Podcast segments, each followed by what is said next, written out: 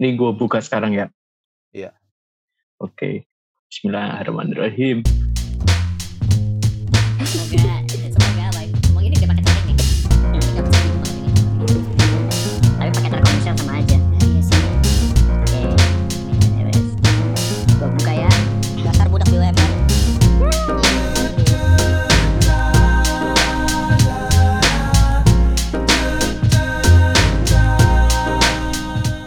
Halo guys, welcome back to podcast Lambe Racing dan kali ini kita udah di episode 112. Wah, gak terasa sih udah episode 112. Dan hari ini yang jadi host adalah gua atau Ken, host tembak yang biasanya nge-host kalau pas ada bintang tamu aja. Dan kali ini ya benar ada bintang tamu yang spesial gitu. Mungkin teman-teman sobat Lambe sudah pernah tahu ya siapa ini bintang tamunya karena tahun lalu beliau juga hadir di podcast kita yaitu Mbak Syirazade atau yang biasa dipanggil Mbak Ade. Halo Mbak. Halo, sel- selamat malam ya berarti ya. Iya. Sekarang malam. Malam, Iya, malam, malam, malam. Hmm, malam. Ya tapi nggak tahu ya teman-teman dengerinnya malam, pagi, siang. Tapi kita recordingnya wak- waktu malam jadi ya sapaannya sapan malam. Oke, jadi seperti tahun lalu Mbak Ade hadir di podcast Lambe Racing ini sebagai gue star atau bintang tamu yang kita akan ngebahas MotoGP season 2022. Di mana MotoGP season 2022 ini cukup apa ya? Cukup menghadirkan hal baru gitu di antara musim-musim lainnya karena untuk pertama kalinya uh, di musim ini MotoGP hadir tanpa kehadiran sosok Valentino Rossi. Karena ya kita tahu semua kalau Valentino Rossi pensiun akhir musim kemarin dan ya nyatanya tetap rame sih sebenarnya. Walaupun ya memang untuk di media sosial masih belum serame balapan roda 4 atau F1, tapi ya sebenarnya balapannya masih rame sih. Masih cukup Iya. banyak yang nonton walaupun memang secara hitung-hitungan penonton berkurang ya sebenarnya. Iya kalah. Kalah sama Berkurang. F1 sih. Hmm, berkurang juga iya. Balapan elit marketing sulit. Nah, itu. Aduh. Dan eh, yang gue bilang tadi kalau MotoGP tahun ini menghadirkan hal yang baru, selain dari hilangnya sosok Valentino Rossi, ada hal baru lainnya yang ad- baru ada di musim ini yaitu MotoGP akhirnya kembali ke Indonesia, yaitu di sirkuit Mandalika. Ada Indonesia coy. Weh, ada Indonesia. Jadi di musim pertamanya MotoGP comeback ke Indonesia setelah terakhir itu tahun 97 ya, kalau nggak salah. Iya, 97 bener. 7, Iya, 97. Akhirnya setelah berarti berapa 25 tahun. ya 25 tahun akhirnya Bali Indonesia ke Indonesia MotoGP tapi bukan di Sentul lagi. Kali ini di sirkuit Mandalika yang terletak di Pulau Lombok yang bisa dibilang jauh agak jauh ya dari pusat kehidupan Indonesia di mana orang Indonesia kan kebanyakan Pusat tinggal di Pulau kehidupan. Jawa. ya nyatanya begitu kan populasi Indonesia rata-rata tinggal di Pulau Jawa dan ini balapannya di Lombok tapi ternyata tetap ramai gitu antusiasnya antusiasmenya. Entah karena memang ini orang-orang pengen nonton MotoGP atau pengen tahu sirkuitnya aja nih jangan-jangan. Atau diundang kantor. nah Bener. iya ya tapi bener sih ada isu katanya tiket MotoGP Mandalika itu sebagian besar itu diborong kantor. Tapi ya nggak tahu sih bener apa enggak dan mungkin aku mau langsung tanya ke Mbak Ade ya. Mbak Ade kalau nggak salah kan hadir langsung ya di Mandalika Mhm. itu gimana Mbak waktu tes pertama kali MotoGP ke Indonesia? Kembali ke Indonesia? Hmm, Satu kata rame ya udah pasti. Karena terakhir di Sentul, terus akhirnya balik lagi ke Mandalika, akhirnya balik lagi ke Indonesia, lokasinya di Mandalika, pasti rame. Cuman hari pertama Jumat itu sepi. Aku tuh belak-belakan aja ya, sepi banget ya. Free practice atau free practice dua sepi. Eh, buat aku aku cukup heran karena hmm, kalau pengalaman di Sepang ya ya nggak coba di Sepang sih sebenarnya ya di di sirkuit-sirkuit lain di dunia itu umumnya idealnya ya hari Jumat tuh rame gitu. E, cuman mungkin waktu itu ya kayaknya kita memang belum maksudnya masyarakat kita belum kultur motorsport ya belum belum ada tradisi nonton sejak hari Jumat gitu. Jadi nonton ya cuma pas hari H balapan aja hari Minggu gitu. Gitu. Tapi untungnya sih hari Jumat yang kosong itu akhirnya ditutupin oleh hari Minggu gitu. Walaupun ada kendala cuaca, uh, tapi akhirnya balapan bisa terselenggara ya gitu. Bisa dibilang sih secara keseluruhan sih lancar ya terlepas dari berbagai masalah aspal yang mengiringi perjalanan sirkuit ini. Terus keributan-keributan di luar sirkuit yang gak ada hubungannya soal balapan ya gitu. Tapi secara keseluruhan aku bilang sukses besar sih ya. Ya sukses lah gitu aku mau gitu. Tapi ya eh, dengan kontrak 10 tahun yang dimiliki promotor MGPA jelas ini bakal butuh kerja keras ya untuk untuk menjaga uh, apa ya meningkatkan animo penonton juga gitu terutama untuk mereka nonton sejak hari Jumat itu aja sih sebenarnya. PR yang salah satu PR yang penting untuk di dari promotor itu satu.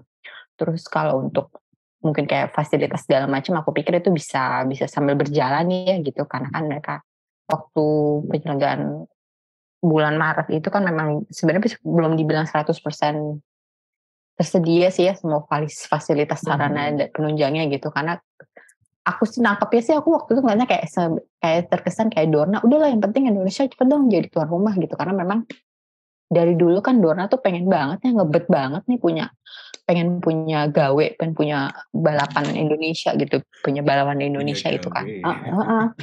pengen banget ya MotoGP itu masuk kalender apa maksudnya Indonesia masuk kalender MotoGP gitu. Kemarin waktu ke sana ya memang karena karena belum belum 100% ya gitu ya. Ya pasti banyak lah kaum mendang mending gitu. Nah ya nggak salah juga sih. ya, maksudnya karena mereka juga fans Indonesia kan kebanyakan nontonnya di Sepang ya. Karena dari segi yeah. tiket pesawatnya juga sangat terjangkau gitu. PP Jakarta Kuala Lumpur mana berat ratus ribu gitu. Siapa coba yang nggak mau kan?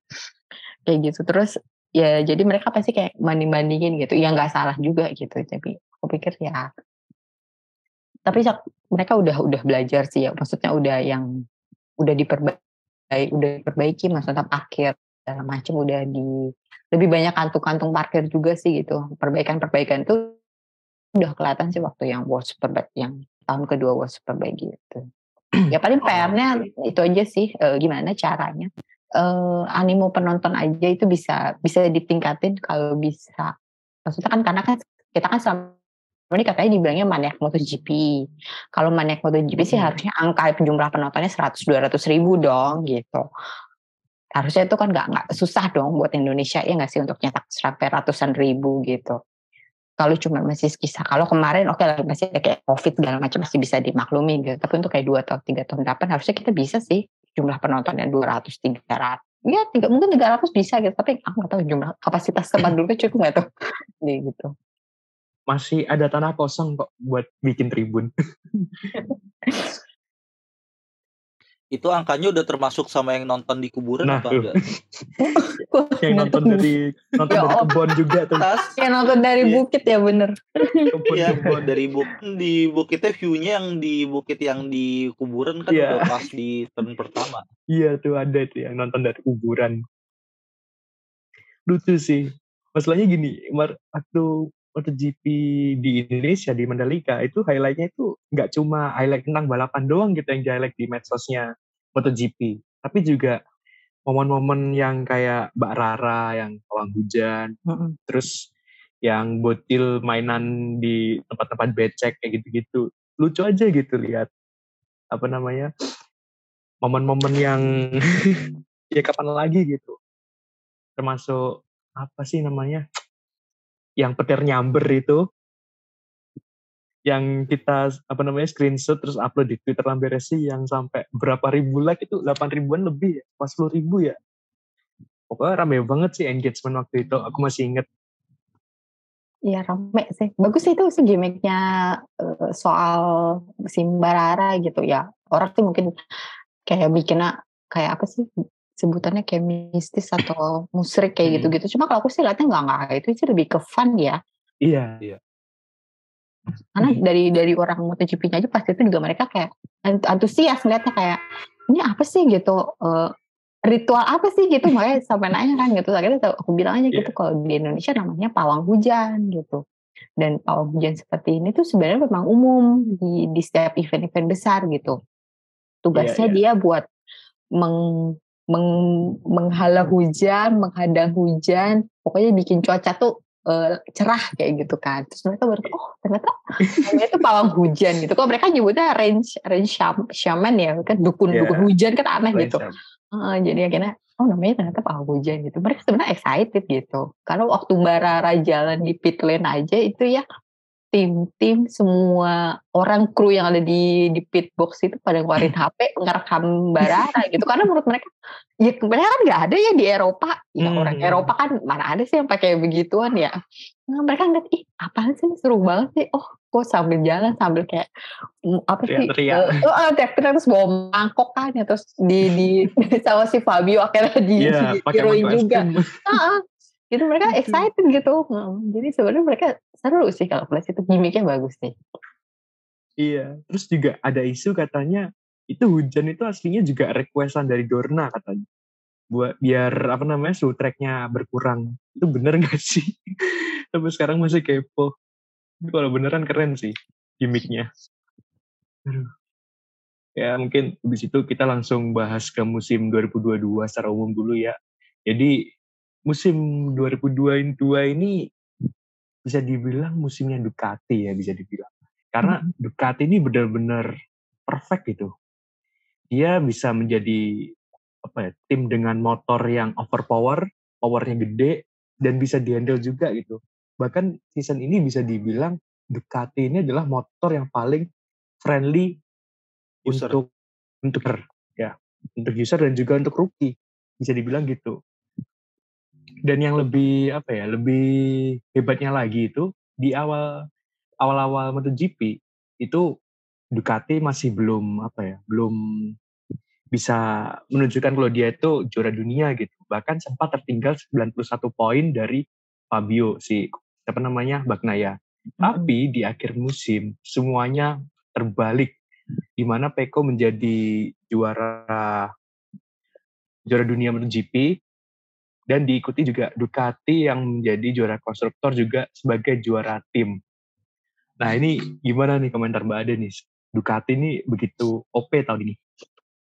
Ducati eh sebenarnya kalau lihat Peko juara dunia itu kalau aku lihatnya nggak begitu kaget ya kalau lihat berdasarkan performa dia di paruh kedua gitu karena dia ini kayaknya tipikal pembalap yang spesialis paruh kedua musim sih. Kalau lihat Iya. dari perkembangan dari 2021 kan gitu kan.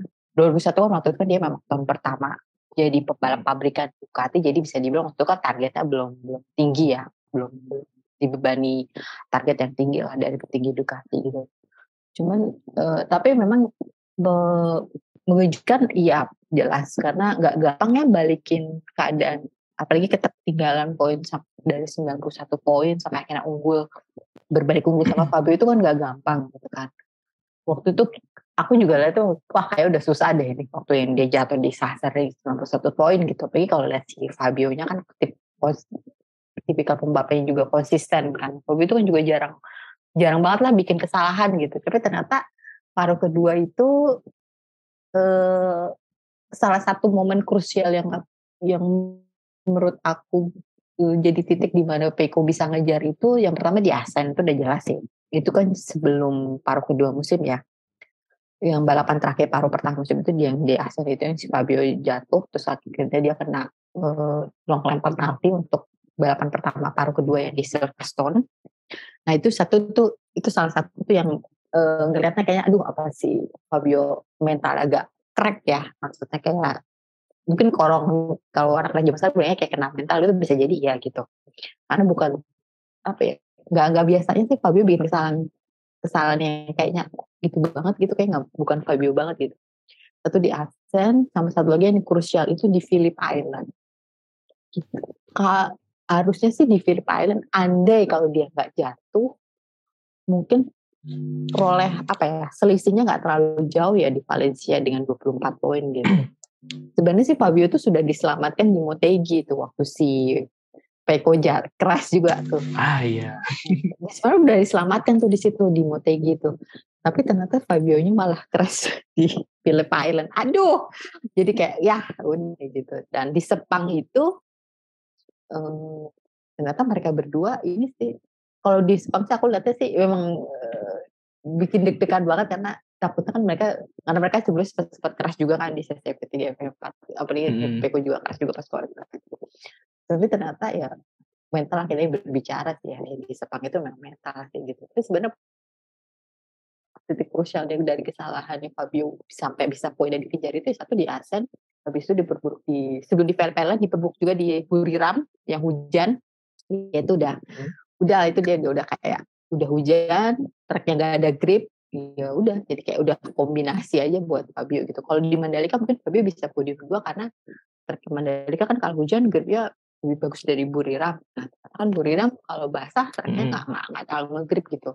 Tapi sebenarnya selain truk yang kurang ngegrip juga uh, ya mah ada masalah juga sih sama tekanan ban juga. Di Buriram terus di Phillip Island juga masalah juga gitu. Jadi ya semua kombinasi-kombinasi itu sih yang bikin akhirnya Fabio ya ya udah kehilangan momentum sebenarnya di Phillip Island itu sih kalau dia nggak crash di situ selisih poinnya mungkin nggak terlalu jauh jadi Valencia bisa agak lebih lebih lebih, lebih mendebarkan lah gitu tapi makanya pas ke Valencia di selisih 24 poin ya itu udah udah mustahil lah itu kalau si Peko sampai nggak juara dunia itu 24 poin itu dia balapan aman di posisi 15 aja kayak cukup itu. Iya iya. Tapi baik lagi deh. Sebenarnya uh, Ducati ini emang benar-benar OP nggak sih kalau dilihat? Maksudnya kita nggak cuma lihat Peko aja ya di musim ini, tapi juga lihat pembalap yang lain. Oke okay, Miller ya gitu sendiri lah Miller kayak gimana orangnya. Tapi uh, motor-motor konsumen konsumen Ducati deh tim satelit Ducati itu menurut Mbak Ade emang Ducatinya yang overpower apa faktor pembalap juga? Hmm, dua-duanya ya. Uh, jadi Ducati itu nggak seperti Yamaha atau Honda gitu yang yang apa ya? Maksudnya mereka Yamaha Honda waktu punya tim satelit gitu, tapi Ducati punya tim satelit, mereka nggak pelit gitu untuk untuk ngasih teknologi ke tim-tim satelit gitu. Jadi kayak mereka waktu bawa Stegosaurus Wing itu kan tim A. Iya, iya. itu tim, tim sat, tim-tim satelit yang lain kan dapat juga tuh dapat kebagian yeah. juga kan gitu. Nah sedangkan kan kalau kayak Yamaha sama Honda itu kan kebijakannya kalau pembalap satelit pasti dapat upgrade-nya setelah si uh, nunggu giliran setelah si pembalap pabrikan dapat nanti dia baru dapat si pembalap satelitnya. Nah pembalap satelit update update terbaru ini kan uh, kadang nunggunya mungkin bisa setelah lima atau enam kemudian gitu atau baru dapat pas taruh kedua musim gitu.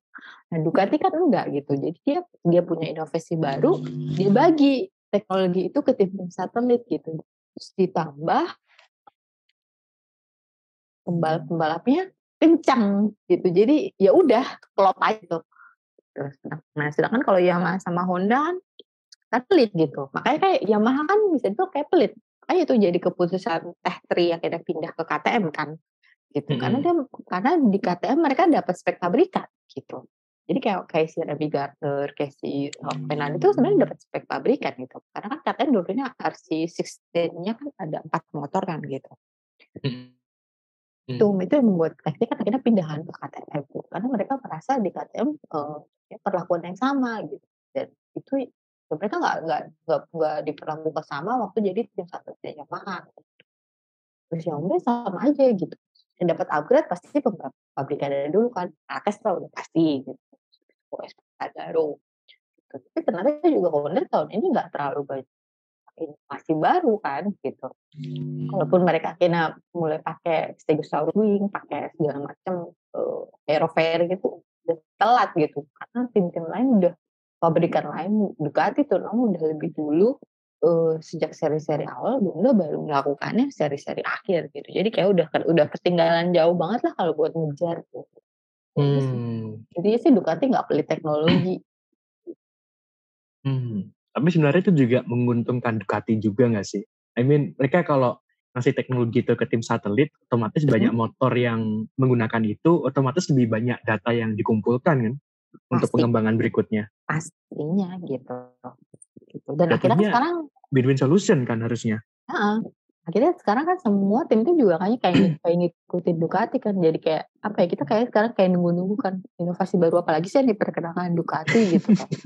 Ah, Stegosa wing gitu. Ntar lama-lama helm kayak ada wingnya juga kali itu Bisa jadi. sebenarnya helm motor di MotoGP juga kan sebenarnya desainnya juga um, ngukur tentang aerodinamis juga kan. Jadi ya sebenarnya kalau misalnya di helm ada wing bukan nggak mungkin sih sebenarnya. Aduh. Tapi baik lagi ke Ducati deh. Musim depan Ducati kan ada sedikit perombakan ya di timnya di mana uh, Peko tahun depan bakal bertandem sama Enea Bastianini. Nah ini ini menarik sih karena musim ini mereka berdua udah beberapa kali duel dan duelnya itu menarik gitu untuk ditonton. Kira-kira musim depan gimana ya? Mereka kan teammate. Apakah duelnya nggak seketat sekarang atau walaupun teammate tetap duel habis-habisan kayak musim ini? Hmm, pastinya sih bakal ada duet duel ya. Kalau untuk Enya Bastian ini karena dia tahun pertama ya sebagai pembalap pabrikan Ducati jadi ya sama seperti Peko sih waktu tahun lalu. Target ekspektasinya nggak tinggi gitu. Makanya dikasih kesempatan dulu lah sama Ducati untuk untuk belajar belajar gimana sih caranya ngatasin tekanan jadi pembalap pabrikan segala macam itu kan pasti pressure-nya beda ya. Kalau pembalap Mm-mm. satelit kan ibaratnya lebih nothing tulus gitu. Jadi mau keras atau apa kayak kayak nggak ada beban gitu. Cuman kalau buat pembalap pabrikan kalau bikin kesalahan atau crash di balapan-balapan yang krusial itu kan jelas kayak kayak aib kan gitu. Aduh, pembalap pabrikan malah ngebotol gimana sih kayak gitu kan. Malah ngebeban ya.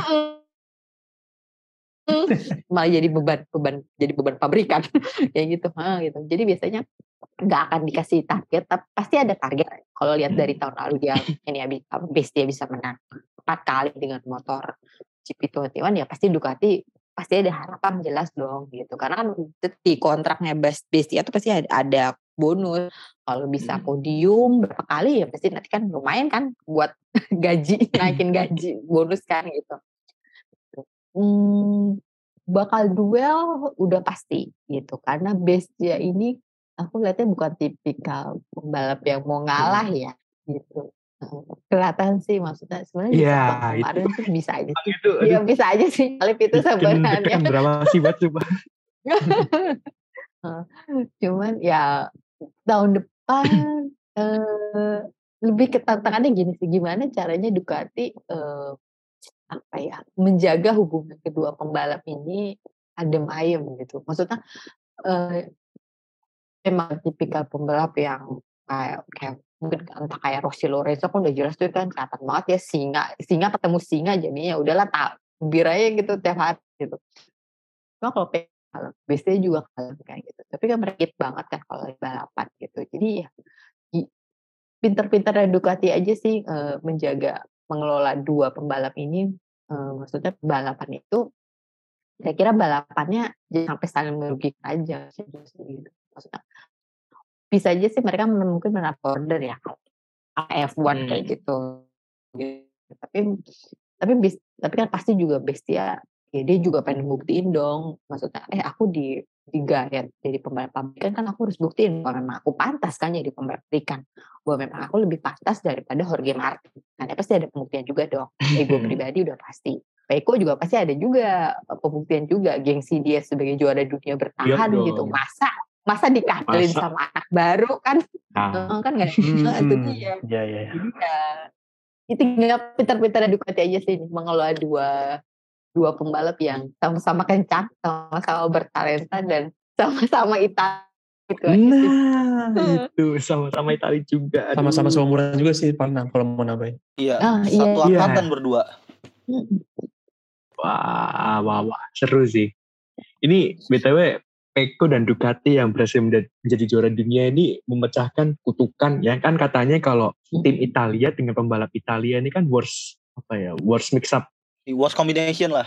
Ya, worst combination gitu loh katanya. Tapi ternyata ini malah mem- memberikan kesuksesan yang apa ya dramatis juga ya kan sempat ketinggalan 91 poin sampai akhirnya bisa juara dunia. Wow, ini bakal jadi cerita sendiri. Pasti bakal dibahas di musim-musim berikutnya, yakin. Eh, dan ternyata justru Peko yang bisa menaklukkan Ducati bukan Ross Nah, mentornya gitu iya. aja sih Itu. ya itu mungkin juga. Mungkin gelar ke 10 hit Rossi itu ternyata datangnya dari anak didiknya kan.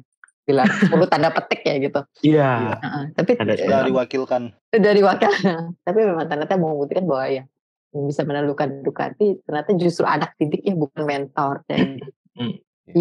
Ya ya itu ada rezekinya Yang lah. sukses Ros, Rossi rezekinya sama Yamaha sama Honda. Peko rezekinya sama Ducati mencoba bijaksana.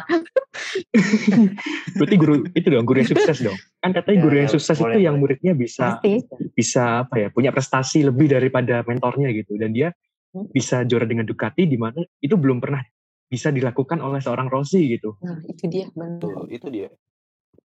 Well, mungkin kita langsung aja ya bahas lawan dari Peko Bagnaya yaitu Fabio Quartararo dan timnya Yamaha di mana Fabio ini menjadi single carry gitu untuk Yamaha. Mungkin kok dibandingin Lando, Lando Norris yang menjadi single carry di McLaren, Fabio ini lebih parah lagi. Dia lebih parah lagi. Dia nggak cuma nge-carry satu tim, tapi satu pabrikan gitu di carry. Bayangin di pundaknya dia tuh bawa empat motor Yamaha gitu.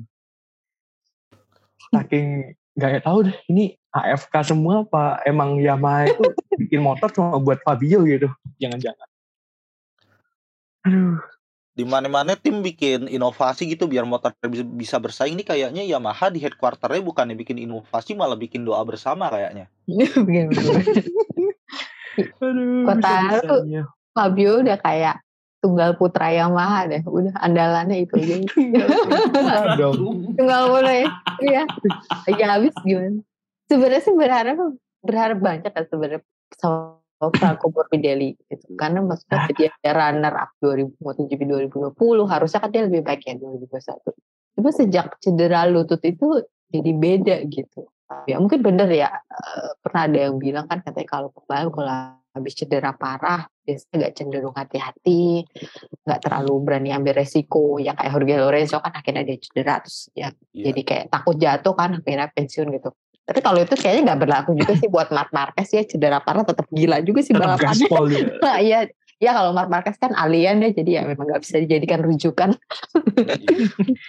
Aduh, bisa-bisanya. Ini masalahnya Morbidelli nggak cuma hati-hati doang, tapi benar-benar hilang gitu, celing gitu. Nah Kayak itu ibarat dia. mungkin yang lainnya balapan di lintasan dia pinggir, dah kalian balapan, gua, gua mau, gua mau gak mau ikut-ikutan dah, ibaratnya gitu kali ya. Iya, itu dia. Kayaknya satu-satunya yang bisa nemuin Morbidelli cuma Dora deh. Aduh, Makanya sama tahu kalau lagi di belakang.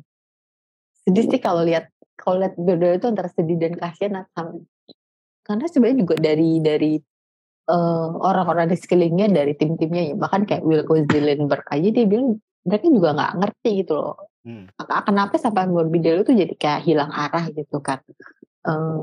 Davis juga cuma bisa ngomong ya harapannya bisa bangkit lagi bisa nemu percaya diri lagi segala macam gitu. Tapi ternyata nggak segampang itu ya. Sih Hmm. terus harusnya dia bisa jadi tim teammate yang mungkin bukanlah dia mungkin tidak ikut battle for the championship tapi setidaknya dia bantu Quartararo lah Eh, jadi kayak kalau Miller kan udah jelas tuh wingman banget kan Hmm, udah kelihatan banget kan gitu Peko di depan, Miller di belakang, udah udah kayak kelihatan lah sih. Miller udah kayak tukang nembak-nembakin lawannya. Nah ini Fabio kan bingung ya. Aduh sendirian dikepung sana sini temen teammate gue di belakang lagi gerti belakang gimana? Jauh banget kan minta bantuan. Kan nggak mungkin kan Fabio ngelambatin motornya gitu. Aduh. Nah, itu dia. Jadi kayak eh, itu tadi sih. Nggak ngerti sih maksudnya apa gitu kan. Tapi dia sendiri dulu tuh ya dia bilang bahwa sebenarnya bukan motor yang diciptakan khusus untuk Fabio enggak juga gitu cuma memang eh, motor Yamaha memang gak bagus ya ya ba- ngomongnya masih agak Iya. soal lah gak bagus gitu Ya, Hmm, tapi yang bisa gak salah sih. bisa memaksimalkan potensi F1 itu cuma Fabio gitu kan dari gaya balapnya, gaya kerem dan segala macam itu kan berbeda dengan Franco Morbidelli. Mm-mm. Perbedaannya dengan gaya yang berbeda dia kesulitan gitu dengan dengan dengan paket motor yang udah nggak kompetitif, dia juga masih berjibaku dengan habis cedera lutut kan dia pasti kan lutut ya apalagi kaki kan jadi ya nggak Mm-mm. gampang juga kan gitu jadi ya eh, banyak faktor jadi ya dia susah juga jadi kayak mau mau kencang tapi kok kayak begini tapi kok lambat di belakang juga kayak Sunmori ya jadi gimana gitu saya maksudnya sangat disayangkan gitu karena kan sebenarnya Formula kan dia pembalap bertalenta apalagi dia salah anak didik Rossi yang pertama lagi yang juara dunia Hmm. Moto itu kan dia dulu kan Iya, baru tahun iya. berikutnya Peko gitu ini kok Iya. kalian juara dunia MotoGP malah Peko dulu baru berdirinya malah di belakang kan jadi kayak gimana gitu Iya, ini baru Yamaha pabrikan ya, belum Mm-mm. Yamaha satelit. Aduh, ya kalau dari dealer gak usah dibahas lah itu pupuk Iya. bawang lah anggap aja pupuk bawang. Dovizioso ini juga sama aja gitu, Iya, sering di belakang gitu. iya Dovizioso loh. Iya. Ya. Dovizioso yang digadang-gadang menjadi lawan sepadan seorang Mark Marquez aja ya struggle Susah. gitu sama Yamaha. ya susah ya hmm, antara faktor umur atau atau bisa juga dia motivasinya udah nggak nggak se- Mungkin se- ya. seperti waktu waktu dia jadi waktu di Ducati kan dia 2007 2018 2012 kan tuh dia kelihatan banget ya. Kayaknya uh Dovi Hmm. banget itu sampai bisa nantangin Marquez kan gitu. Ya, pokoknya oke lah juara dunia dimenangkan Marquez gitu. Tapi untuk battle last lap segala macam kan Dovi yang pemenang ya kan? Marquez kan cuma sekali doang tuh dia. Gitu. Jadi ya ya antara udah nggak ada motivasi juga bisa jadi terus ditambah motornya udah kayaknya nggak bisa diajak kerja sama nggak bisa diajak kompromi. Jadi kayaknya yang penting finish lah kayak gitu kan jadi jatuhnya kayak gitu. Terus akhirnya juga ya itu sih. Yang sangat disayangkan sebenarnya Dovi pensiun tuh kayak gitu aja gitu kayak nggak ada apa ya kok nggak ada gregetnya gitu. Maksudnya Dovi gitu oke dia mungkin memang belum juara dunia MotoGP tapi seharusnya ada semacam tribut lebih lah dari MotoGP untuk kasih penghormatan lebih gitu karena kan yang satu-satunya pembalap yang bisa nantangin Marc Marquez dalam kondisi puncak kan dia doang gitu. Hmm. harus harusnya ada semacam tribut yang spesial lah gitu Iya. Dan dia juga salah satu pembalap yang lahir di era ketika MotoGP itu lagi banyak-banyak angkatan bagus ibarat kalau yang angkatan sekarang yang angkatan sekarang MotoGP kan diisi mayoritas rider-rider dari angkatan 2015 di Moto3. Dia baru si si Dovi ini dia baru blasomnya lagi mekar-mekarnya ini di angkatan 2004 di mana di angkatan tersebut rider-rider yang lagi naik daun seperti Jorge Lorenzo, Casey Stoner Hmm. dan juga ada mendiang Marco Simoncelli. Mm-mm. benar setuju setuju Ya, ya, ya. Aduh, mungkin udah cukup lah ya bahas Yamaha ya. Apalagi sih yang mau dibahas juga. Semua orang udah tahu gitu kalau Yamaha tahun ini kayaknya ya gitulah. Kayaknya lagi di nerf gitu. tahun Nah, yang- tahun depan sih Yamaha Nah, eh, itu top gimana? speed sih top Iya. speed Iya, aja gitu. ditambah sih. mereka nggak punya tim satelit jadi minim data pen- untuk pengembangan jadi ya Lah iya ya. bakal double itu Iya, ya, mereka nggak ada bener. punya mereka nggak punya tim satelit kan jadi ya Baru nyadar. Udah gak ada yang minat lagi. Soalnya mahal nyewa motor mereka. jadi ya nggak tahu deh ini mu- pab- andalan lagi nih tunggal putra Yamaha udah Gak putra Yamaha dong. Aduh. Kayaknya definisi kalau nambah gaji beban pekerjaan makin nambah tuh ada benernya dan terjadi di Fabio Quartararo nih kayaknya. Dia habis extend malah beban kerjaannya ini makin baru nambah. nambah. Udah bukan carry pabrikan lagi nih udah carry harga diri satu pabrik sih kayaknya. Iya kayaknya. Aduh, aduh, aduh. Ada, ada, ada. Ah, wes, langsung aja deh kita bahas ke pabrikan satunya lagi yang sebenarnya awal musim ini dia bagus ya. Jadi dia sempat awal musim itu sempat pole position, terus akhirnya dapat kemenangan pertama juga. Dan ya akhir tempat itu ya jadi title contender juga btw yaitu Aprilia di awal, yang di awal ini menjanjikan banget tapi ya sering waktu agak PHP agak lagi sih emang PHP ya Kayaknya bukan PHP deh, kayaknya emang kodratnya kali ya. iya kali Melanggar kodrat kayaknya. aduh Iya. tapi to be honest Aprilia tahun ini gila sih. Banget. kan dia di Banget tahun berapa ya. Dia kan di tahun berapa gue lupa. Dia kan rekrut engineer dari F1 untuk membenahin aerodinamis dan lain-lain. Dan Oh. tahun ini kelihatan gitu hasilnya. Akhirnya dia bisa mendapatkan pole position dapat kemenangan juga. Ya walaupun ya begitulah Aprilia. Nggak bisa melawan kodrat. Tapi lucunya lagi nih Aprilia sempet hampir mendapatkan kemenangan lagi yang sayangnya salah ngitung lap tuh aduh Oh, kacau sih yang dekat lunya, iya. iya aduh Hampir juara dua sih itu tepatnya. Itu Quartararo udah gak kejar juga sebenarnya. Enggak itu itu podium itu. eh iya hampir juara Hmm. dua Blunder banget sih. Rookie rookie mistake sih. Tapi agak aneh juga sih maksudnya untuk untuk pembalap Spanyol yang yang udah bertahun-tahun balapan di Catalunya sampai ya sebenarnya sih itu kan ada apa sih perbedaan hitung countdownnya di di kat- sirkuit Catalunya kan beda tuh di mana? Hmm. towernya yang last lapnya itu. Jadi last lapnya Catalunya memang agak beda sendiri Iya. gitu. Jadi sebenarnya sih kalau buat Alex Espargaro kan iya dia kan mau bela Spanyol ya udah bertahun-tahun balapan di Catalunya masa sampai lupa gitu kan ya. Tapi ya ya blunder sih gitu sih. Tapi ya itu sih. Aduh, mana dia tuh blundernya. Ada dada. Itu yang lucu iya saya banget kira-kira itu masalah teknis sih karena bisa pembalap kalau udah dada gitu pasti masalah teknis ya Hmm. Ini gitu kalau pokoknya kalau ngangkat tangan kan biasanya dia kayak kode buat buat entah itu red flag atau apa gitu. Ternyata lu kok salah gitu. Ada podium aduh sih sama. Ya itu sih. Sih sebenarnya selain itu juga mereka ada masalah teknis juga kan di beberapa balapan terakhir. Iya. Terus masalah ban juga ban jadi kayak waktu di Buriram tuh Hmm. nggak cocok sama ban yang dibawa Michelin gitu. Ya, ya.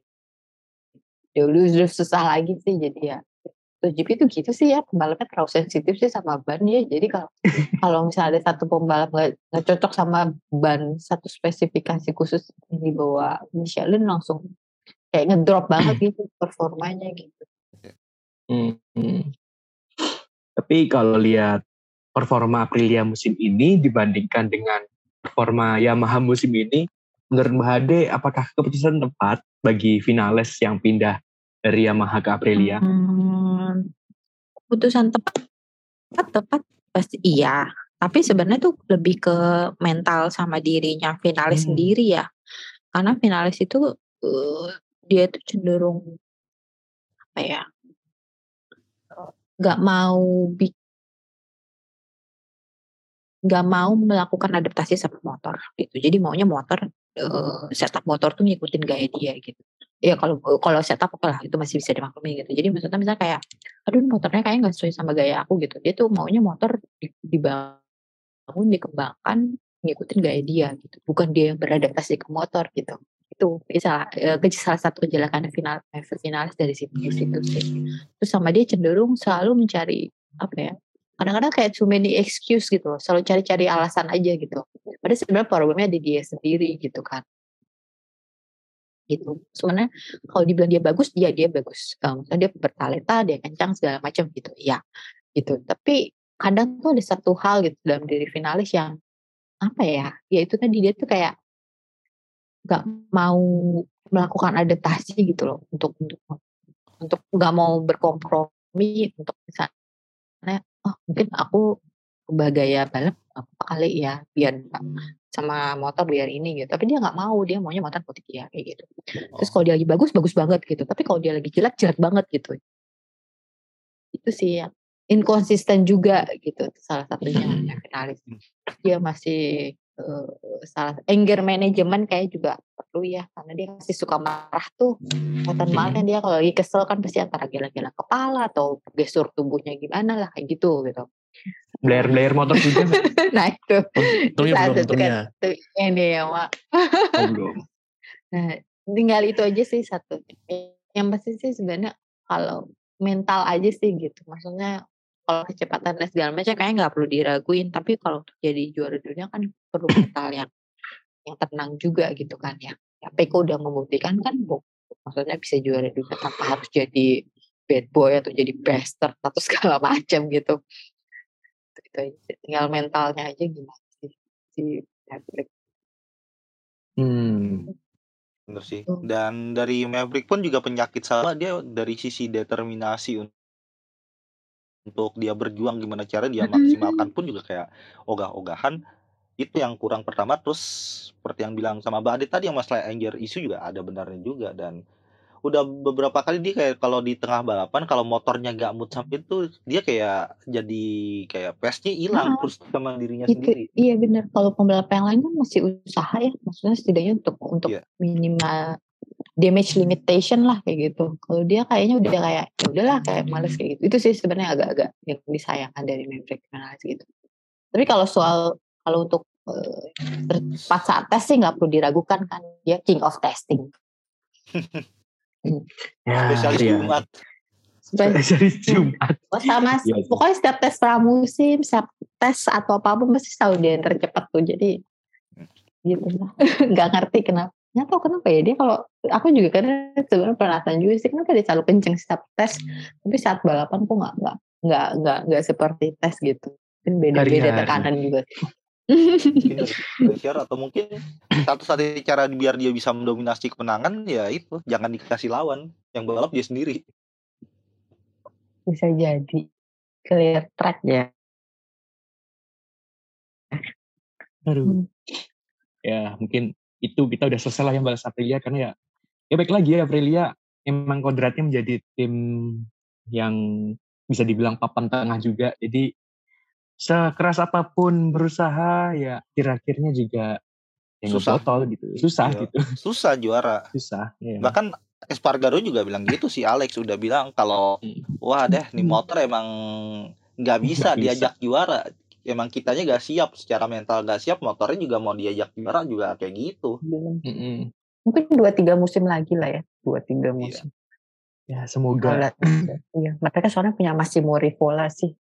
iya Nah gitu. itu. itu dia untuk dia. bahkan di aerodinamika me- mereka juga bisa dibilang salah satu gak cuman yang paling advance tapi juga paling radikal semua karena jika dibandingin sama Iya. pabrikan lain dia malah Iya. terkesan kayak dia yang kalau di cornering dia bikin semacam ground effect yang pertama Iya.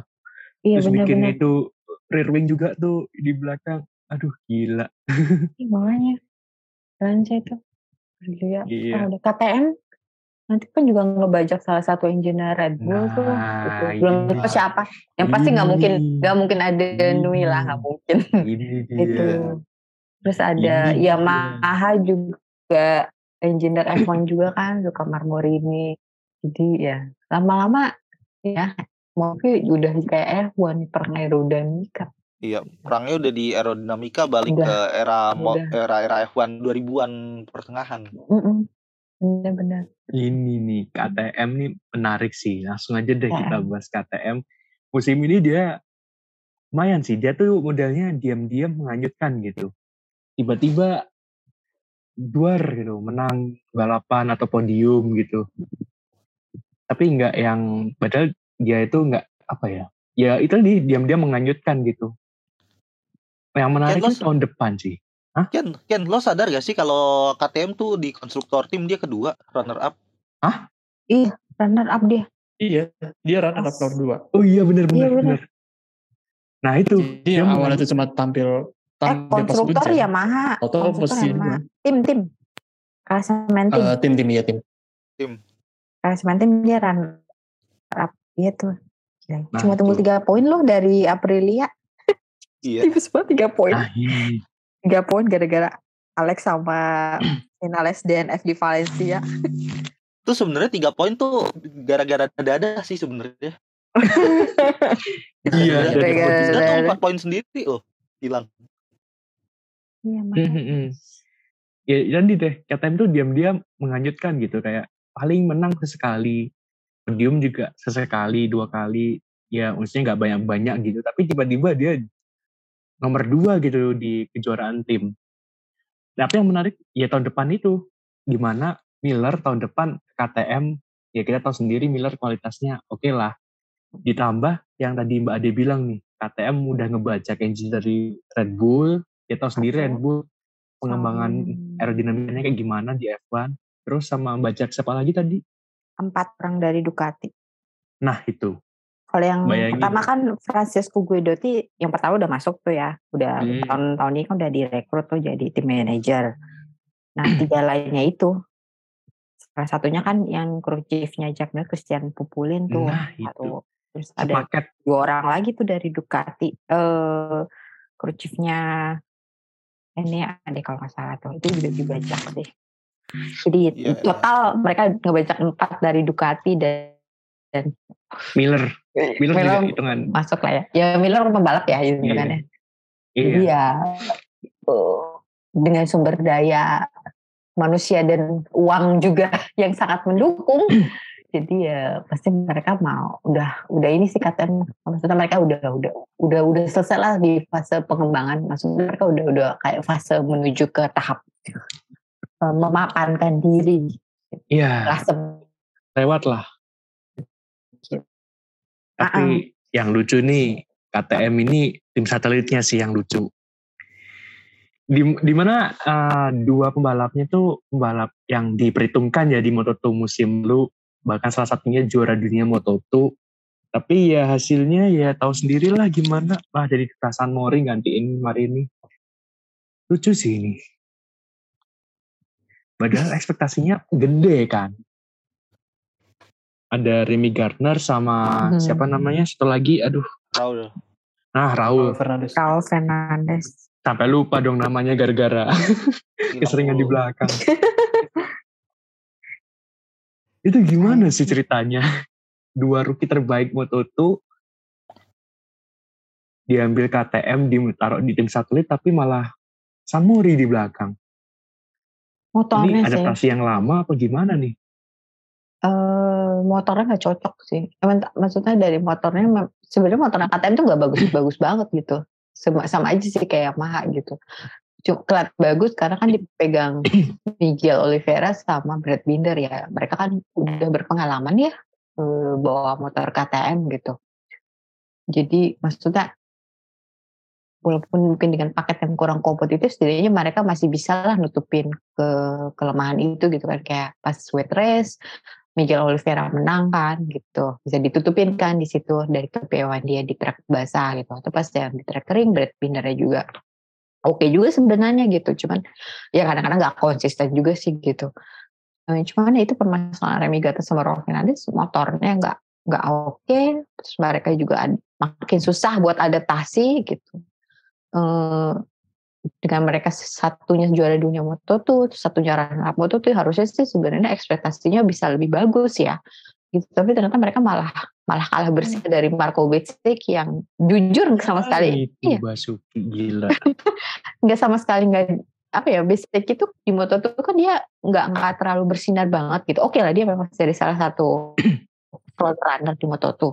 Tapi em, dia bukan yang kayak kemarin atau Remy Gata atau Raul Fernandez gitu makanya Marco Bezzecchi ya dia beberapa kali oke lah di barisan depan tapi em, cuma kan dia ada tuh yang dia, dia bikin kesalahan akhirnya dia kehilangan peluang jadi juara dunia juga tuh tahun lalu gitu nah makanya dia pas ke MotoGP dia tuh statusnya sebenarnya kayak bestie ya gitu nothing tulus tapi ternyata anaknya memang fast learner gitu itu Hmm. fast learner gitu. Kebalikan dari Luca Marini yang slow learner gitu. Tapi ada progresnya Ada. tahun ini nih. Marini Iya. ada ada progresnya cuman agak lama ya satu tahun setengah gitu. Itu kalau bukan Iya. an- adiknya adik tirinya Valentino Rossi kayak udah kedepak itu Marini. Terus lama loh itu Iya satu bener. satu tahun tengah belajar itu lama loh itu buat rookie. Iya. Gitu. Nah, itu kalau nggak ada nama besar Rossi kayaknya aku aku nggak yakin Marini bertahan. Bener. Itu aja Masa sih. juga Marini padahal motornya dia mau udah pakai GP20 itu loh. Mm-mm. Iya gitu. Ya, malah kalah sama Basuki. Aduh, segi bisa sih. Ya. Well, mungkin habis ini kita langsung lanjut ke pabrikan berikutnya, yaitu Suzuki. Aduh, ini sayang banget sih Suzuki harus hengkang dari MotoGP mulai musim depan, karena ya kita tahu ada krisis ekonomi di pabrikan Suzuki yang akhirnya itu berdampak ke MotoGP juga. Akhirnya Suzuki cabut dari MotoGP. Walaupun ada agreement Suzuki ini stay di MotoGP sampai tahun berapa ya, gue lupa. Dan akhirnya 2026. 2026 ya. Nah, Tapi akhirnya ya 2026 ya mau gimana lagi itu udah ada duit juga penjualan seret Hmm. ya tahu sendiri lah motor Suzuki gimana Bengkelnya udah jadi udah jadi nasi warung padang Padang. Iya, udah Iya, jadi warung Padang. Padang kalau Indomaret pokoknya udah gak jadi dealer Suzuki lagi deh bahkan di Jogja juga malah jadi toko aksesoris HP itu yang di Gejayan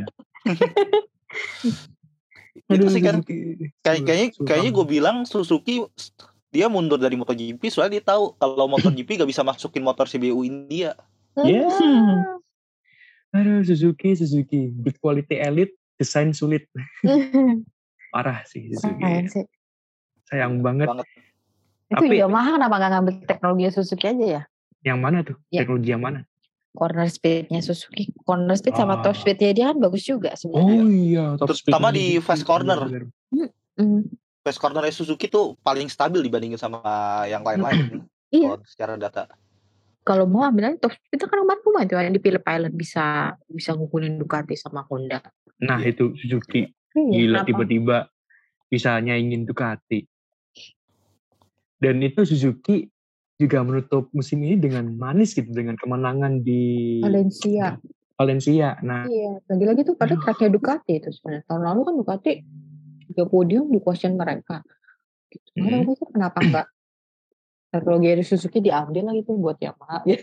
Kalau misalnya Yamaha serius ya, serius ke- Iya. serius bener serius mau ngemain motor loh gitu karena bajak aja engineer-nya. Ah, gitu Iya. atau Ya mau kerja di mana lagi juga kan. Pasti layoff kan akhirnya. Kena PHK orang timnya aja udah nggak ada. Motornya aja dikampakin. Parung. Tapi emang literally beneran dikampakin nggak tahu Dia- kenapa. dia Makanya nggak banyak yang heran. Wah. Iya. Heeh, jadi Sayang Dibuat biar nggak ya. biar nggak kena pajak kan ya kan kalau tetap dipajak kayak gitu kan ada, ada hitungan pajak tuh ya kalau untuk dimuseumkan kan itu beda lagi gitu Hmm. tapi kalau nggak dimuseumkan gitu kan tetap kena pajak kan hitungannya Oh, baru tahu. Kenapa pajak juga ya ternyata. iya jadi ya biar nggak biar nggak ba- udah udah nggak balapan suruh bayar pajak apa nggak tambah boncos tuh iya. Iya. Mending balapan masih dapat iya masih dapat marketing atau apalah ini motor ngejogrok disuruh bayar. itu dia jadi ya dihancurkan Iya. Gitu. Iya. Literally dikempak. Su- Surat surat mati kaleng oh, 10 tahun. Kira-kira bangkainya bisa ditemuin di Indonesia nggak ya? Mungkin besi-besinya kan diambil sama ya, tahu sendirilah nggak mau nyebut. Kaliper karbu hilang, tankinya Iya. diambil jadi karat. Aduh, Motor hair, motor CB. cikiwir. Nah ini ini ada satu pabrikan lagi sih yang belum dibahas, tapi gue bingung. Nah ini bahas apa enggak ya? Honda Soalnya apa ya? Suram gitu tahun ini kayaknya. Honda ini. Aduh, Gimana Honda- hampir nggak ada, hampir nggak ada. Honda azab suram. kali ya.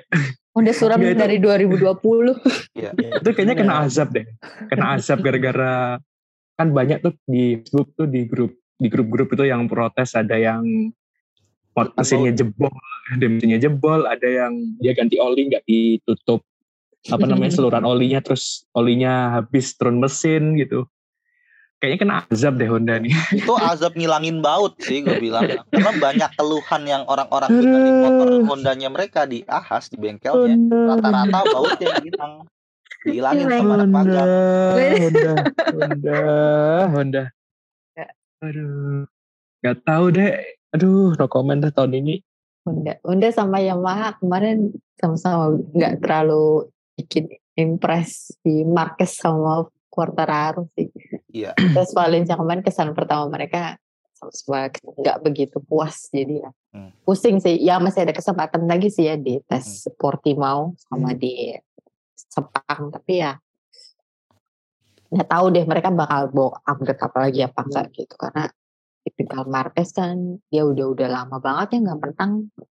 Jadi juga kayak gemes juga kan lama Fabio juga gemes juga dong gagal mempertahankan gelar juara gitu ya pasti. Kalau nggak ada ini ya dua orang itu mungkin bisa cabut itu. Ya oke lah mereka masih ada kontrak sampai 2024 tapi kan nggak menutup kemungkinan ya. Iya. Hmm, Aduh, udah nggak usah dibahas lagi, udah.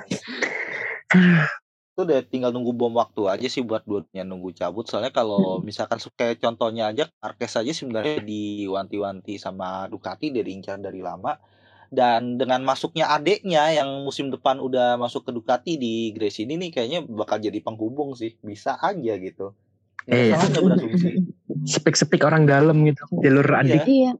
Pasti pasti eh pabriknya si Max sama adiknya si Alex kan tinggal serumah. Ya, pasti Iya. pasti nanya dong, gimana Ducati? Enak gak? Ya, Sama Honda gimana? Ya, Nah. pasti lah, gak mungkin. iya. Hmm. Ya walaupun nggak serumah, minimal tiap lebaran ketemu lah ya. Iya ada bahasan Iya. Aduh, Honda, Honda. Nasib emang fix. Aduh, ya mungkin kita stop dulu deh MotoGP-nya. Kita bahas ke eh, ajang adiknya yaitu Moto2. Gimana Moto2 ini, aduh, ini juga gak kalah lucu sih daripada nasib tim-tim tadi yang kita sebutin tadi di MotoGP. Masalahnya gini, Moto2 musim ini itu persaingannya kelihatan ketat gitu atau bagus. Tapi ketatnya tuh bukan adu siapa yang mau jadi juara tapi malah adu ngebotol gitu. Siapa yang ngebotol dia yang menang kali ya. Aduh ya Allah nggak bisa gitu. Salah satunya ya Ogura sih itu yang kelihatan banget ngebotol. Ya gitu. Ya gue sebenarnya nggak terlalu banyak nonton Moto2 ya. Gue no comment dah. Kalian aja deh yang komen gimana aja gimana Aduh, Mungkin gua yang cuma pengen sebenarnya Vietti sih sebenarnya. Ah iya. iya. tuh dulu deh. Iya. Tenaganya. Aduh Fiat. itu Abu nanti aja. Fiat akhir aja deh Fiat. oh iya. Tahan tahan tahan. Biasanya kan kalau film yang bagian klimaksnya yang jagoannya muncul kan di akhir-akhir. Nah Jadi itu. kita bahas VT-nya di bagian akhir Ya. bahasan moto tuh. lakon menang carry bahasa Jawa. ya mending mending ngebahas itu dulu deh. Adu ngebotol udah itu dibahas dulu deh. Adu ngebotol. Aduh, ngebotol. kok bisa? Aduh. Iya, Augura sayang sih. Blunder. Padahal dia tuh bukan dia tuh sebenarnya sama kayak Fabio sih, bukan tipe kalau pembalap yang jarang bikin kesalahan gitu. Maksudnya terus dia mentalnya juga sebenarnya cenderung tenang ya. Kalau lihat muka dia kan dia habis keras atau apa dia mukanya datar aja. Kemarin sebenarnya habis waktu dia dia keras di Valencia tuh kan juga mukanya datar banget gitu. Nggak kelihatan Mm-mm. kayak sedih apa gimana gitu. Flat banget gitu. Sebenarnya dia tuh eh, mentalnya tenang gitu maksudnya dia mentalnya bagus loh kalau aku bilang gitu mas terus eh, apalagi apa sama satu lagi ini dari rookie yang promosi ke Moto2 dari tahun dia kan promosi tahun lalu dan tahun kedua nih 2002 itu dia progresnya justru dia yang lebih menonjol dibandingkan Albert Arenas yang juara dunia Moto3. Setuju banget. kalau Tony Arbolino kelihatan gitu ya sama. Antara dia deh dia habis itu baru Tony Arbolino. Albert Arenas malah nggak terlalu gitu. Sebenarnya Aibura tuh kalau bisa tahun lalu dia rookie maksudnya dia dia tuh dia rookie of the year kalau nggak salah dia juga bagus itu dia smooth banget gitu adaptasinya bagus cepat cepat belajar gitu. Terus um, pokoknya kayaknya tipe pembalapnya juga bukan tipe yang ne- gak neko-neko juga kan. Hidupnya juga kayak cuma latihan latihan latihan sirkuit latihan latihan sirkuit udah gitu aja gitu. Terus uh, tahun kedua dia di Moto2 udah bisa jadi title contender itu udah oke banget gitu. Karena lawannya kan apalagi lawannya Augusto Fernandez yang sebenarnya sebenarnya dia udah udah termasuk salah satu senior lah di Moto2 gitu. Iya. gitu. Cuman ya itu aja sih yang disayangkan yang di Sepang itu kok tumben-tumbennya dia ngotot banget karena karena dia bukan tipe yang sebenarnya bukan tipe ngotot kayak gitu. Dia tipikal yang kalau memang nggak bisa dapat podium atau nggak bisa menang setidaknya bisa dapat poin lah gitu.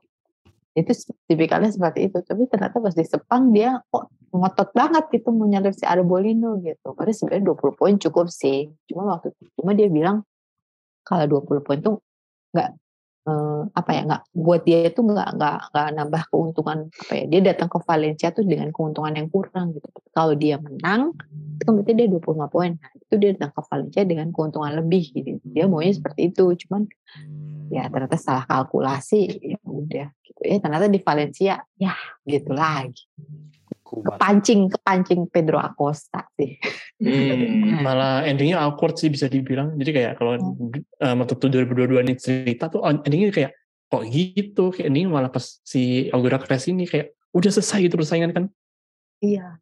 prematur lah istilahnya kayak prematur ending lah gitu Hmm. Tadi sebelum di Phillip Island kan si Agustonya juga udah crash kan. Terus sebenarnya yang di Phillip Island itu juga di situ juga Augura juga sayang banget tuh nggak nggak nggak maksimalin eh, peluang untuk memperlebar unggulan gitu karena waktu si Augusto crash si Augura cuma finish ke 11 gitu. Iya. Coba kalau Augura finish 5 lah gitu. Ya agak lumayan tuh gapnya gitu. Jadi dia di Sepang nggak perlu terlalu tapi ternyata dia struggle juga di Phillip Island jadi ya, ya gitulah. Kadang-kadang balapan seperti itu sih ya nggak bisa ditebak.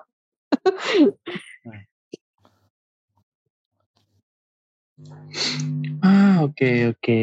Terus ini Moto2 ya adu botol dan kemudian Ogura tahu sendiri ngebotolnya gimana dan yang jadi juara adalah malah si Agus alias Augusto. Tapi kayaknya dia juara kayak kurang agak ada yang kurang gitu kayak kurang puas aja gitu ya. Mungkin karena musuhnya pada ngebotol kali ya.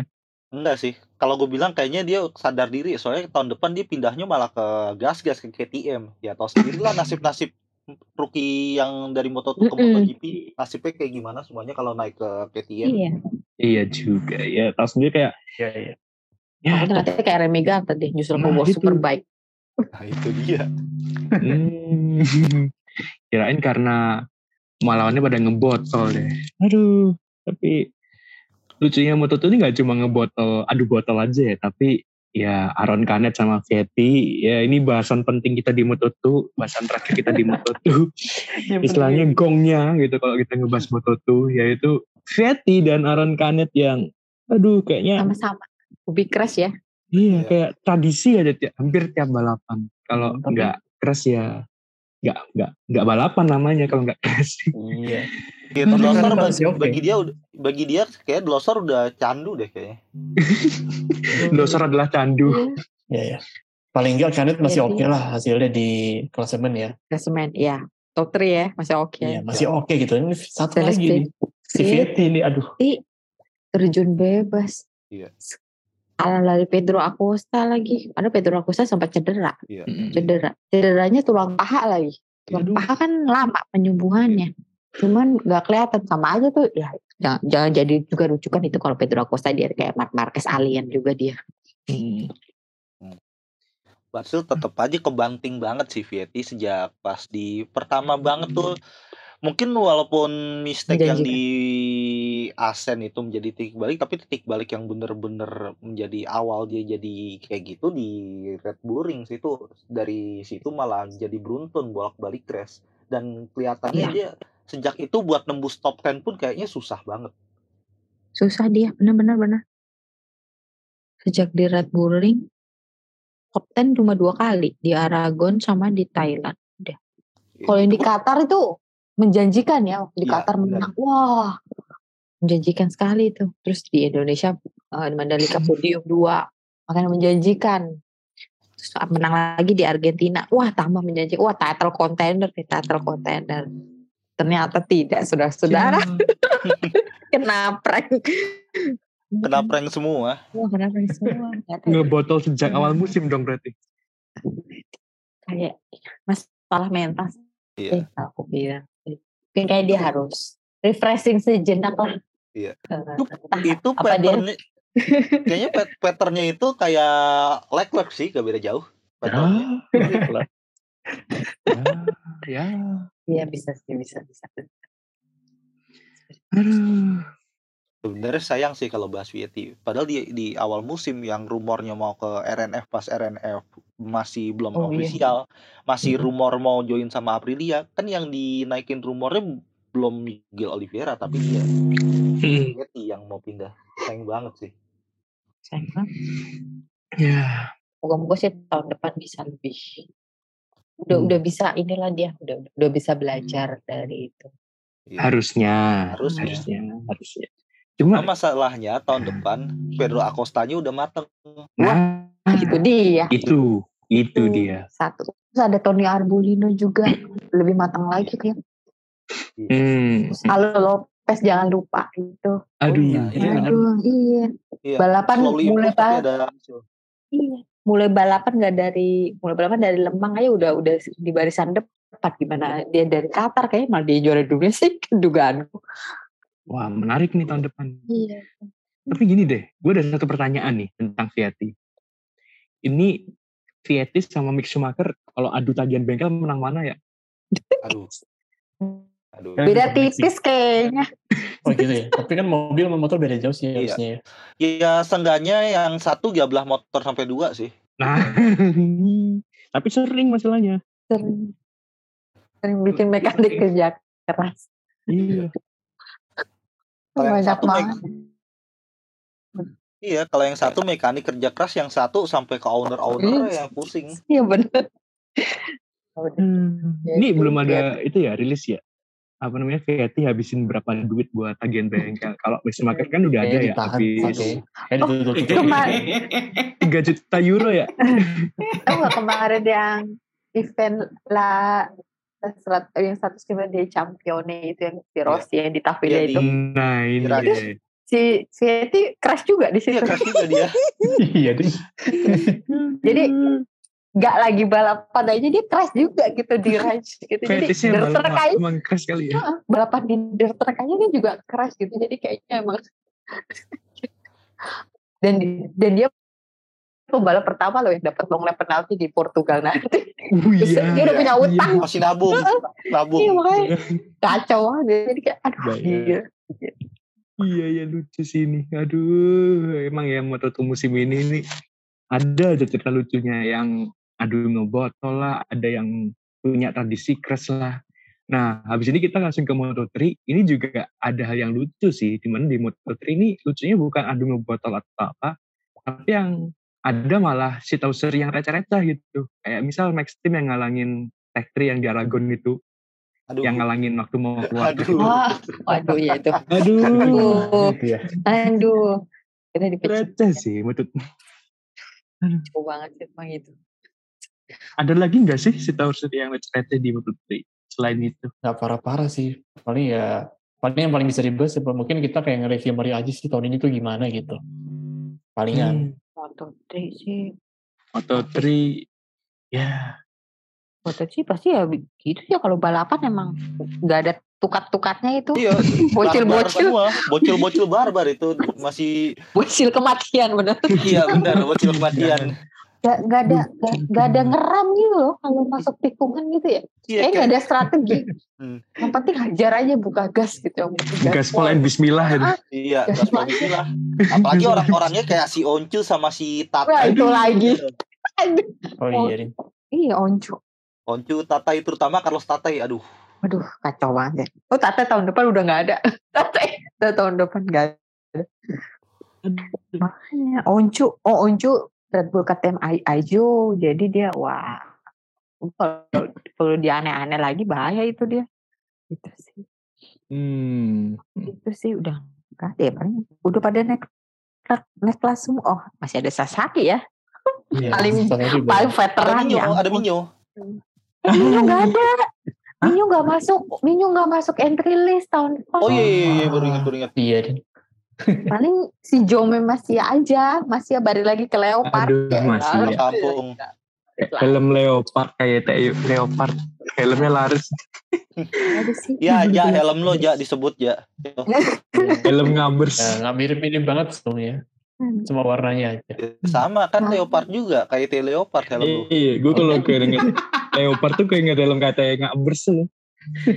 Aduh, Aduh. itu ngabers-ngabers masuk metik tuh kalau kumpul helmnya Ya. sama semua. Ya, ja, ja lo diledek ja mentang-mentang lo pakai kayetnya gitu, motor lo juga motor Aduh. bit. Ya lah, pindah enak aja lah. Apa sih nih yang ada di MotoGP selain KYT? Kayak KYT doang deh sekarang. Eh, enak Kak. Ya paling enak paling kayaknya udah nggak ada. Jarang ya kayaknya. aku sih eh kayaknya kan aku isinya semua semua Iya, Xiaomi. Ya, suami Xiaomi. Kan. Xiaomi, Xiaomi. kalau helm sih kayak AGV deh kayaknya Ya, harganya juga beda. iya harganya beda sih harga ada bareng ya Tolonglah. Yang PO-nya barangnya rata-rata PO goib susah nih. Iya. Beneran tapi PO kuip. Tiba So, hey. digoreng. Kalau Soalnya Sohe, Sohe kan lumayan tuh. iya, Ya, dia kayak harganya juga lumayan. Oh dia Iya, kayak lumayan. Iya, dia kayak Arai. agak beda jauh kayak Arai lah harganya. Hmm, Arai sama siapa namanya tadi? Shoei itu kayak satu tayar lah harganya. Ah, Iya. Tapi AGV gila sih. Iya, Mahal Devi banget sama. Syak, sama Syak. Oh, Aduh, helm hiu. helm hiu. Ya beda bukan hiu yang itu beda. Iya, Oh, beda. bukan bukan Jauh. tukang ojek, beda. Aduh, tapi balik lagi ngomongin Moto3 tahun depan penunggu Moto3 ada juga yang hilang satu yaitu Iya, McPhee. Dadah. Aduh itu sayang banget. Bye bye penunggu Moto3. Gak tau, Udah berapa tahun sih dia? lama dia kan. Lama banget dari gue Lama SD sampai gue kuliah. Tapi sayang sih. Iya, penunggu Moto3. Juru kunci itu kan, kunci sebenarnya Moto3. ada ada promosi ke Moto2 tahun lalu ada gosip sih. Jadi sebenarnya itu udah tanda tangan sama Petronas ke Moto2 Hmm.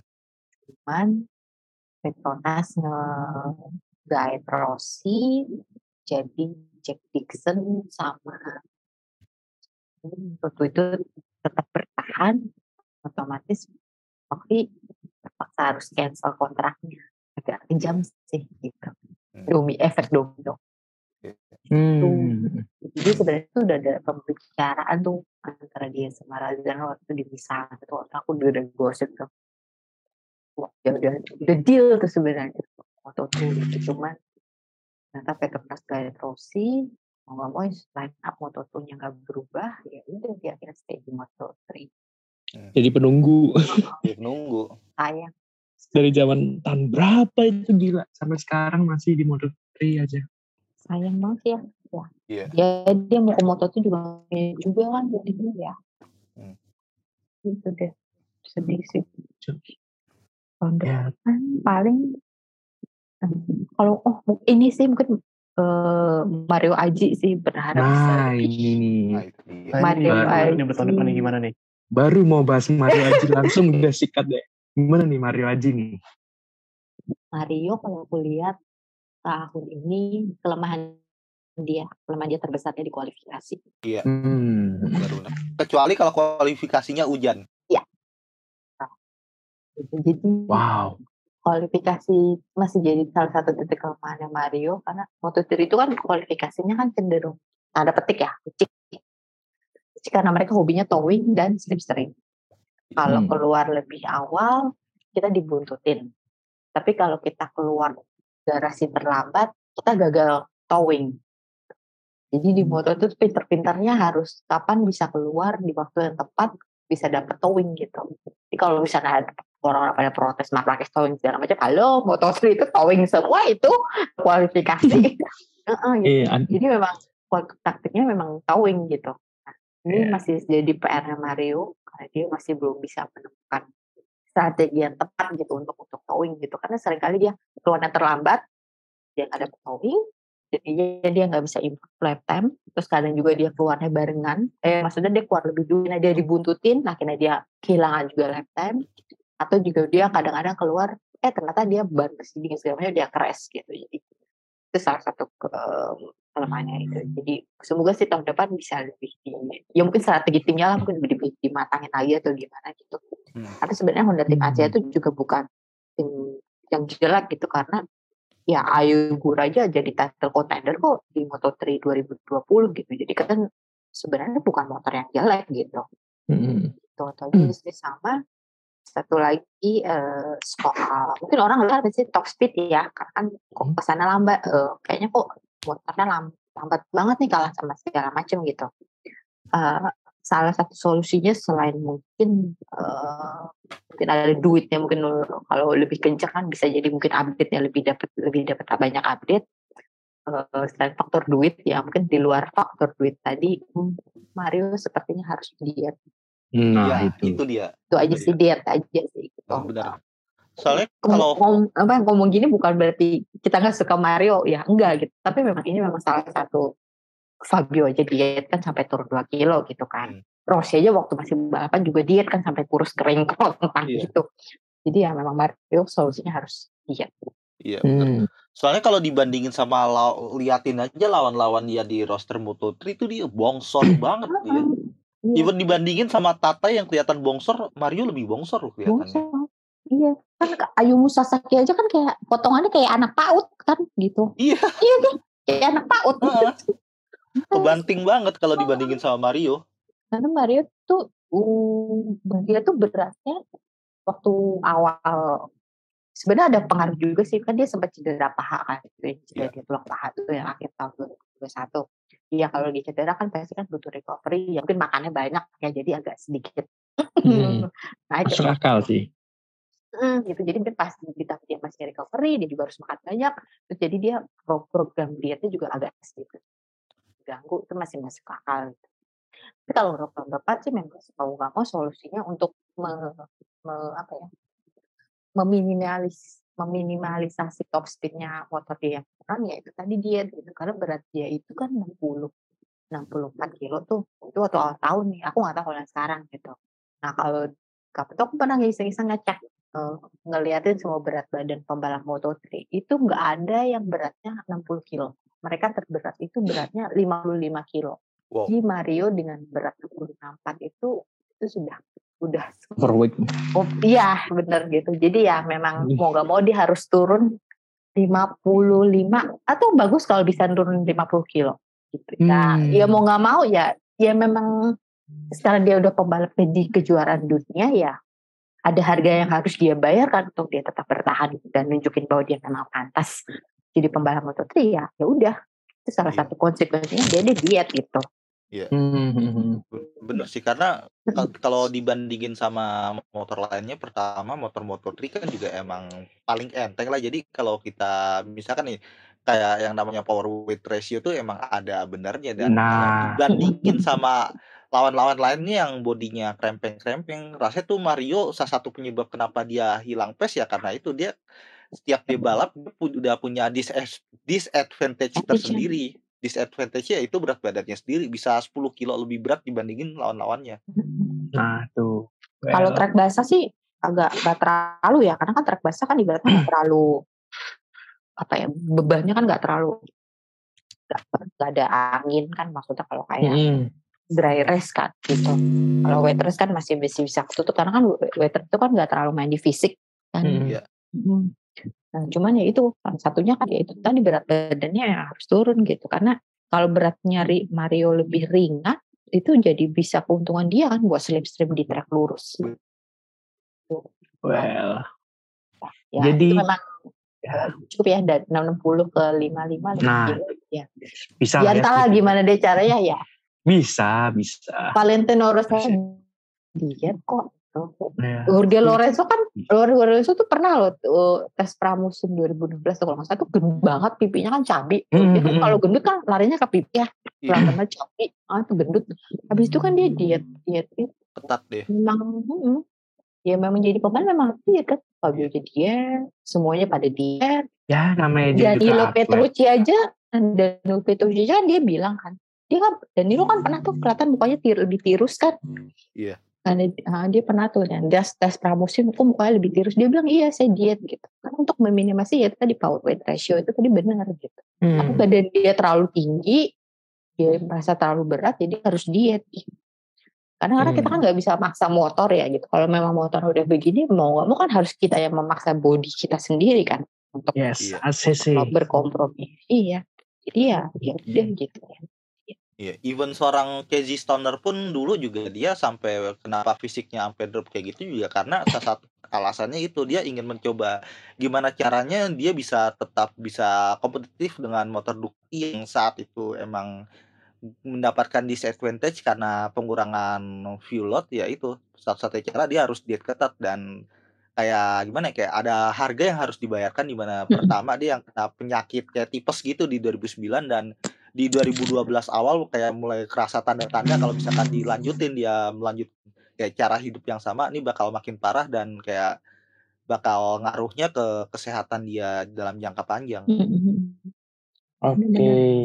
Jadi problem Mario Aji tinggal ya jadi bilang berat badan aja. Well, Dan yang kual- pertama sih. kualifikasi, nah kualifikasi. itu strategi kualifikasi sama strategi kualifikasi. nah, Kalau berat badan.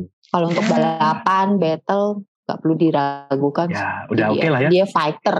Mario itu Iya. fighter. Iya. Jadi Di level juniornya udah kelihatan banget Udah sih dia. kelihatan. Ya, ya, Udah, ya. udah, udah, udah beda lah urusannya udah sering menang bolak balik udah sering lah talent Mm-mm. nggak ada yang ngeraguin cuman ya itu kalau dia udah berhasil di region junior kalau kalau dia naik level dia harus gak cuman beradaptasi dengan kejuaraan tapi dia harus naikin level dia Mm-mm. dan tantangan pertamanya ya diri dia sendiri karena dia udah punya disadvantage besar yaitu berat badannya yang bisa dibilang lebih dari 5 atau mungkin bisa dibilang 10 kilo lebih berat dibandingin sama rider-rider lainnya itu Iya, yang pertama harus dituntaskan dia Hmm, iya. Oke. Apalagi lawannya Eh. kayak Dennis Oncu. Ya itu udah nggak kayak anak paut lagi tuh. Udah kayak anak apa ya. Oncu itu kecil banget. Namanya kenceng banget. Mhm. Bocah paut. Aduh, Mario Haji, Mario Haji, oke lah, big boy emang. Well, Menteri tahun ini kebetulan yang jadi juara adalah Izan Guevara, yang dia bisa dibilang on another level juga ya dia. Dia sebenarnya di awal musim masih biasa aja ya kelihatannya, masih belum kelihatan kalau dia tuh bakal berdominasi musim ini gitu. Tapi nyatanya Izan Guevara menjadi juara dunia Moto2 season 2022. Iya. Tapi sebenarnya lawan dia yaitu Foggia sama Garcia ini sebenarnya juga ya bagus gitu, bukan yang adu botol kayak Moto2 gitu enggak sebenarnya bagus juga. Cuma balik lagi Izan Jauh- Guevara tahun ini Jauh emang lebih, gila. bagus. Iya. Bener. Jadi battle-nya tuh worth gitu loh, worth to watch saja gitu, nggak adu botol. Izan, Hmm. yes, jadi arti keren sih emang. Iya. Secara gap sih enggak secara gap ya. Tapi Hmm. kalau eh, dari hasil apa namanya performa mereka kayak masih oke lah gitu paling enggak. Mm-mm. Nggak adu botol, aduh, betul tuh kok bisa adu botol. Dan tiga-tiganya tahun depan ini lagi rookie Moto tuh. Seru juga Iya. sih ngeliatnya. Iya. Nah ini Itu dia. Lanjut di Moto2. Akhirnya Well, Foggia bisa akhirnya, bertahun-tahun. Bisa. akhirnya, akhirnya. Foggia, Foggia, aduh, akhirnya naik ke Moto2. Tapi ketemunya gue Farah lagi ya, udahlah. Hmm. All the best aja deh buat mereka. Defense tim mereka masing-masing juga sih sebenarnya. Jadi kayak masih belum kelihatan sih karena sama-sama rookie. Mm-mm. Ya berharap yang terbaik dah untuk mereka dan berharap yang terbaik juga untuk ajang junior Moto2 sama Moto3 semoga ya nggak adu botol lagi musim Iya. depan semoga ngasih tontonan yang bener-bener seru gitu ya. Eh Yang Pedro Acosta ya tahun depan. Ah Pedro ini nih Iya, Benar. Siap-siap. Iya, iya. wajib dilihat. Gila. Semoga nggak jinx lah semoga ya. Iya. Semoga nggak jinx ya. Intinya sih semoga, Semoga si jinx, tiga jatuh lagi. Semoga lagi sih yang pertama. Aduh, iya, aduh. Kalau kalau PT udah bisa jadiin kolase itu dia jatuhnya. Aduh, aduh, aduh, Fiat ini juga. Well, lanjut. jadi ini karena durasi sudah panjang, langsung aja deh kita bahas key point dan take away dari musim 2022. Yang pertama, best rider di musim 2022 siapa nih? Di MotoGP, Moto2 sama Moto3. MotoGP Peko, Peko Baknayan. Ya, Udah pasti. of course ya. Siapa tuh? Ya, Dia cuma dia loh yang bisa balikin ketinggalan dari 91 poin. Mm, Cabur Iya. cabur lain kayaknya nggak ada tuh. Ya impossible Ah, dan impossible. misalnya Peko ini dia mulai musimnya emang struggling banget. Lupa kalau Ducati di awal musim tuh wah parah banget no. Strategi. Hmm, hmm, hmm. Terus Peko Juga kan sempat minta balik lagi kan Iya. pakai mesin 2021. Iya, Iya, motor motornya gado-gado, juga. motornya gado-gado. Iya. Betul betul betul betul. Oke, kalau di Peko, Moto2? Peko. Eh, Agak sulit. agak susah ya. Acosta aja kali. Aku Iya, Pedro iya. Acosta. Iya. Aku Wow, Acosta. Pedro Acosta. Rookie of the year soalnya dia. Wow. Eh, balik dari cedera tulang paha itu kan nggak gampang ya, Mhm. tapi dia bisa langsung Iya. comeback lagi. Dan ya dia benar-benar buktiin bahwa tahun depan kayaknya memang dia sih salah satu yang patut diwaspadai. Jamin juga sih. Mm-mm. Oke. Sebenarnya bisa juga Alonso Lopez sih. Itu dilema. Belum kalau Ayo Ogura lebih matang atau mungkin Ah, lagi oh, bisa tuh. tobat tuh. Bisa bisa Hmm. bisa bisa. Kalau Vietti tobat aja. Nah, Itu tobat. seandainya. Kalau di Moto3 siapa nih? Moto3 best Ah, rider. Izan Guevara sih udah Jelas. pasti. Unbeatable banget Ya ya di Iya. musim ini. Apalagi apalagi Hmm. dia nyalip dari sisi luar di Heres aduh itu Lorenzo Nah. sekali itu dan dari dan dia dari Mal- Mallorca juga itu juga dari tempat kelahirannya Lorenzo, Lorenzo. juga Kepulauan Mallorca. Hmm. titisan Lorenzo Allah gitu sih titisan Lorenzo tapi Iya. dari cara fight-nya dia malah banyak yang bilang kalau Iya. orang-orang di Inggris sama Itali kalau dia mirip kayak Rossi pendekatan cara dia balap ketika fight. iya iya benar Heeh, Hmm. hmm. iya Ijen. Menarik nih tahun depan. Gimana nih gue Farah? Apalagi ada Costa juga yang kayaknya tahun depan bakal ngawu-ngawu. iya Mari kita lihat aja deh. ya aku aku tahu udah pasti tuh Well. jadi jadi andalan utama ya Iya. ya tuh KTM Mhm. Ayu ya pasti mereka udah Udah. pasti mereka mau hat trick tuh Harusnya. juara dunia pembalap kan Harusnya ya. Gila ya kalau hat trick gila juga ya. Buset alien banget terus 2024 naik ke MotoGP tuh yakin Uh. Pedro Acosta Semoga tidak 2024. ngejinx. Oh iya bener jangan gitu. Semoga tidak ngejinx. Yaudah deh lanjut. Best team deh di 2022 di MotoGP, Moto2 sama Moto3. MotoGP dulu siapa? Tim mana nih? Ducati, Jelas. Ducati. Jelas Ducati. Oke, kalau di Moto2 sama Moto3. Moto tuh best team aku malah milih Honda tim Asia. Oh, Wow. agak menarik sih. Wow, wow, wow. agak menarik sih kirain kirain bakal Kitty bakal Kitty maju. Enggak, aja ya. enggak dikit-dikit malah Honda tim Asia karena eh, bawa apa ya mereka bisa bawa si Augura jadi title contender kan Kayaknya udah Mhm. lama banget gitu kan ada pembalap di barisan depan tuh Ah, iya, sama Ah, iya itu yang, yang di Austria tuh terutama tuh Austria 1-2. Iya, satu dua. Satu dua itu keren Wow, banget itu menarik. Kayak gimana ya di di antara dikerubungin sama rider-rider Spanish dan Eropa, dia malah.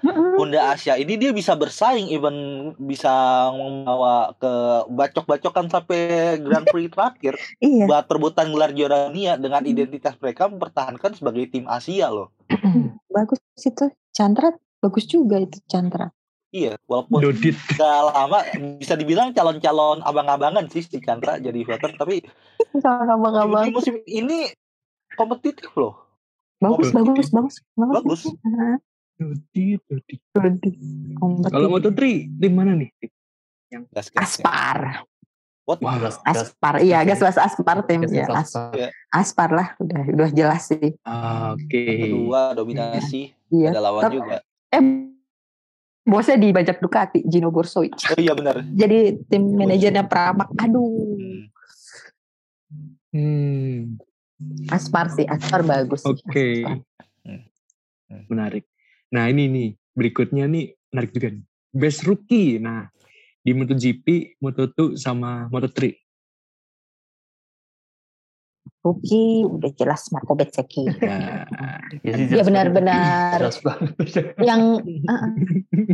yang yang sebenarnya kan kalau dari Binder ya itu itu Ah. dikesampingkan lah ya karena dia lompat pupuk bawang. Pupuk bawang. bawang. Marco Bezzecchi itu dia membuktikan bahwa dia kan sebenarnya nggak terlalu diunggulkan kan di itu dibanding Remy Hmm. Gardner, Raul Fernandez atau eh terus siapa tuh lainnya Fabio Di Giantonio ya agak kurang sih ini ya Marco Bezzecchi sih Hmm. aku bilang emang dia bagus sih Hmm. adaptasinya cepat gitu. Gue suka deh kalau lihat pembalap yang adaptasinya cepat. Kalau yang lemot-lemot kita, aduh males banget ya nontonnya. Aduh. iya. Jarang-jarang loh bisa ada rider kayak gitu kayak si BJQ bukan kadang gimana tapi dia bisa ngebawa motor bekas loh Mm. GP21 bisa di carry sampai position dia dapat loh ini loh. Hmm. Position dapat podium dua kali. Mm-mm. Padahal motornya motor bukan motor pabrikan dan juga mo- bukan motor Gargado even motor, Motor second. bekasannya motor secondnya pun juga bukan motor second yang paket terbaik yang dapetin sama Fairfortis beda sama paket yang didapetin sama Gracie Ma- Iya benar. Dan dia bisa membuktikan gitu loh keren sih. Karena Iya. dia bagus dia. Top Hmm. top top 15 juga di klasemen akhir. iya benar Mm, mm, juga. Oke, nah kalau di Moto2 sama Moto3 gimana nih? Itu tuh rookie udah jelas lah ya Pedro. Pedro. Ya, Dia lah. jaminan tuh deh Ya, udah kasih lah piala eh Nih, piala, piala Ada. udah dibikin sebelum balapan dimulai sih nih. Bener. Ya udah lah. Mo- Moto3 deh, Moto3 deh. Rookie Moto3 Diego Moreira. Hmm. Diego Moreira. Ya bisa Dan karena faktor kebanggaan Brazil gitu. Iya. Akhirnya Brazil ada satu talenta Brazil. setelah Alex Barros. Diogo do Brazil. Kalau balap mobil kan ada Felipe Drugovich ya. Kita Iya. balap motor ada Diogo Moreira, bangga lah Iya, Brazil ya. Iya. Ya, ya, ya. Akhirnya. Setelah Alex Barros sih susah banget Hmm. untuk di gak, gak cuman di MotoGP bahkan di ajang motor tuh Brazil susah banget nyari talent talent yang even untuk usia muda untuk yang dididik untuk naik ke kejuaraan dunia tuh susah banget Kalau buat Mhm. bola sih kayaknya gampang ya. iya Hmm, nggak- hari-hari. bola Iya. gampang banget tiap Nah, hari Kalau balapan tuh susah Mhm. apalagi mau motor Susah aduh banget. susah banget berkah sih ada Hmm. Moreira buat Brazil apalagi dengan kalender yang makin banyak kan kita nggak tahu kalau misalkan ada satu dua sirkuit yang kontraknya habis terus tiba-tiba MotoGP kan nih ini mulai expanding ke neg- negara region lain siapa tahu kan mereka malah balik ke Brazil who knows Ke, ke Hmm, Rio lagi. Menarik nih. Eh, tapi dia udah gak ada sirkuit ini lupa. udah udah bubar dah kan Iya. jadi hambalangnya Brazil tuh Oh, Jadi candi. ya Brazil. Bener sih kan proyekan Olimpiade sama World Cup banyak yang terlantar juga gak urus Hmm, jadi Bener, candi. Bener, bener. Bener jadi candi. Iya, Aduh. bener. Nih hati-hati nih Indonesia nih. Katanya maunya alonin Olimpiade di tahun berapa? 2000 berapa tuh? tiga empat Dari- 34 ya? Daripada Olimpiade, mendingan dimaksimalin aja Mandalika. Iya. Ya. Ya. Kalau ada duit lebih, dirombak lah itu layoutnya. Iya. Ombak Iya. layout dibikin kayak karting sirkuit terus Bisa. dibikin kayak cam Dibikin track lurusnya dipanjangin, Hmm. terus dibikin layout yang bisa buat balap mobil gitu. Aduh itu kalau track lurus dipanjangin mentok bukit masalahnya. Oh iya ya. Iya, Oh masa iya, bukitnya ya. dijeb- di dikeruk dulu bukitnya. Soalnya nanggung Aduh. sih panjangnya. Udah Buka Iya. gas, ya ketemu tikungan. Belok. Iya. lahannya sih Nanggung. lahannya terlalu nanggung Mm-mm. Iya. Lahan- Mau kecil di sih. Ah, kecil Mandalika. Hmm, Kalau Sepang kan gede banget ya. Iya. Luas banget Sepang. lahan Hmm, masalahnya Mandalika nih ada pantai, sekeliling itu ada pantai sama bukit. Masa masa nguruk pantai? Atau dibikin Masa ngebongkar bukit? Kayak. Oh, Mandalika tuh soalnya nggak ada elevasi. iya Hmm. dia Iya. flat dia soalnya dia kan emang bener-bener di daerah bibir pantai gitu tuh Phillip Hmm. Island ada ele- elevasi. Phillip Island lahannya dia kayak ada bukit gitu kan ada kayak bukit gitu dia di pulaunya kalau Iya, di, iya. di Tapi sebenarnya bisa sih, bisa dibikin elevasi sih. Hmm. Kalau desainer sirkuitnya dari awal gayet ya. Ah. Iya. Gitu. Nggak tahu. Tapi sampai sekarang aku juga nggak tahu siapa tuh desainer sirkuitnya. Gak ada yang tahu. Eh, katanya ada yang desain itu orang Italia ada Ada yang lupa namanya siapa satu. Ada Iya. juga yang bilang eh, orang bagian ekonomi Iya. apa gitu. Hmm, Terus itu ada juga yang bilang dari. MGPA-nya banyak kok. hmm, Banyak yang bilang. Iya, gitu. makanya Nggak jelas nih yang pasti. desain siapa ini. Nggak ada, nggak ada yang tahu. nggak ada yang tahu Nggak ada yang tahu, bener. tapi kayak yang desain pertama udah pasti dari MGP ya terus yang untuk sekarang yang di improve yang di tikungan yang ujung yang view-nya pantai Mm-mm. itu yang dibikin sama yang orang Italia itu Hmm. Well, ya udahlah, Mbak. Kita stop dulu deh bahasan 2022-nya kita karena ini musim 2022 udah kelar, kita udah bahas pembalap terbaik, tim terbaik dan juga ulasan tiap tim di MotoGP. Nah, langsung aja abis itu kita bahas 2023 nih. Kira-kira apa yang bisa diimprove dan apa yang perlu dilihat nih, perlu diwanti-wanti untuk 2023 kecuali sprint race ya. Sprint race gak valid soalnya. 2023 eh kalau dari segi teknis balapan sih kayaknya nggak ada yang perlu ya karena udah ada sprinters dan belum tahu Nggak kayak valid. gimana. Gak valid. makanya Gak valid. ya, ya seru sih seru tapi ya nggak tahu juga serunya bakal seperti apa gitu. Aku sih 2003 2023 lebih ngeliatin sisi marketingnya Dorna Sport. Ah benar. Itu aja.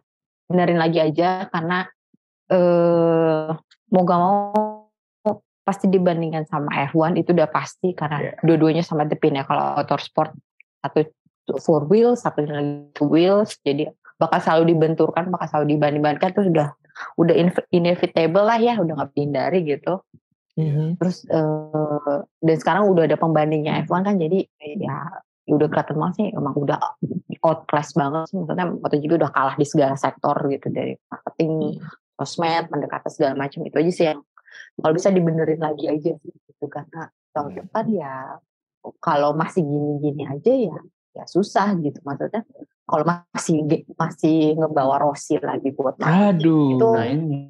mau sampai kapan sih digendong Rossi mau sampai Hmm. kapan sih bertumpu pada Rossi gitu nah maksudnya kalau jual bukannya kita bukannya nggak menghargai Rossi enggak gitu. Rossi kan sudah pensiun. Ya udah gitu eranya sudah berakhir. Karena tuh eranya Peko Bakaya eranya Fabio Quartararo eranya Ah. Ania Bastianini Iya. gitu.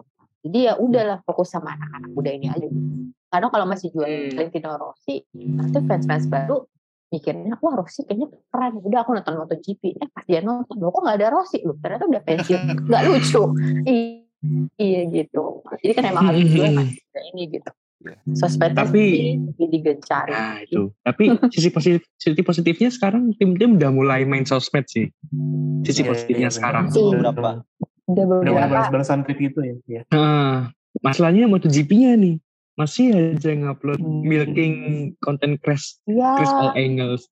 masih itu dan ya memang ya emang ada su- ada fans yang suka juga sih nonton keras gitu gitu cuma maksudku benar. ya ya gimana ya? Kalau di Instagram tuh kalau dia yang kebanyakan pada pada pada pada suka nonton keras karena kan alasannya biar tahu siapa yang salah segala macam. Aku juga aku malah jadi kayak Ras direction ya itu tugasnya Ras direction tahu siapa yang salah gitu. Kita mah penonton mah nonton aja Iya. gitu. Maksudku sebenarnya kalau jualan keras sih sebenarnya nggak ada yang salah gitu. Cuman nggak yang eh, nggak yang sampai balapan belum selesai lebih cepat konten keras Nah, daripada penaltinya iya. Race direction loh bener. Masalahnya itu gitu. Kan dan- harusnya kan lebih cepat penalti ya ini kan Mm-mm. malah enggak Malah masalahnya gini, mereka upload crash dari berbagai sudut tapi nggak upload highlight balapan gitu loh. nah Uploadnya telat itu. gitu. Itu. Gitu. highlight balapan biasanya last lap aja sih yang free last lap udah itu Last doang lap. Mm-mm. Soalnya dijadiin bahan off season doang itu highlight balapan. Mm-mm.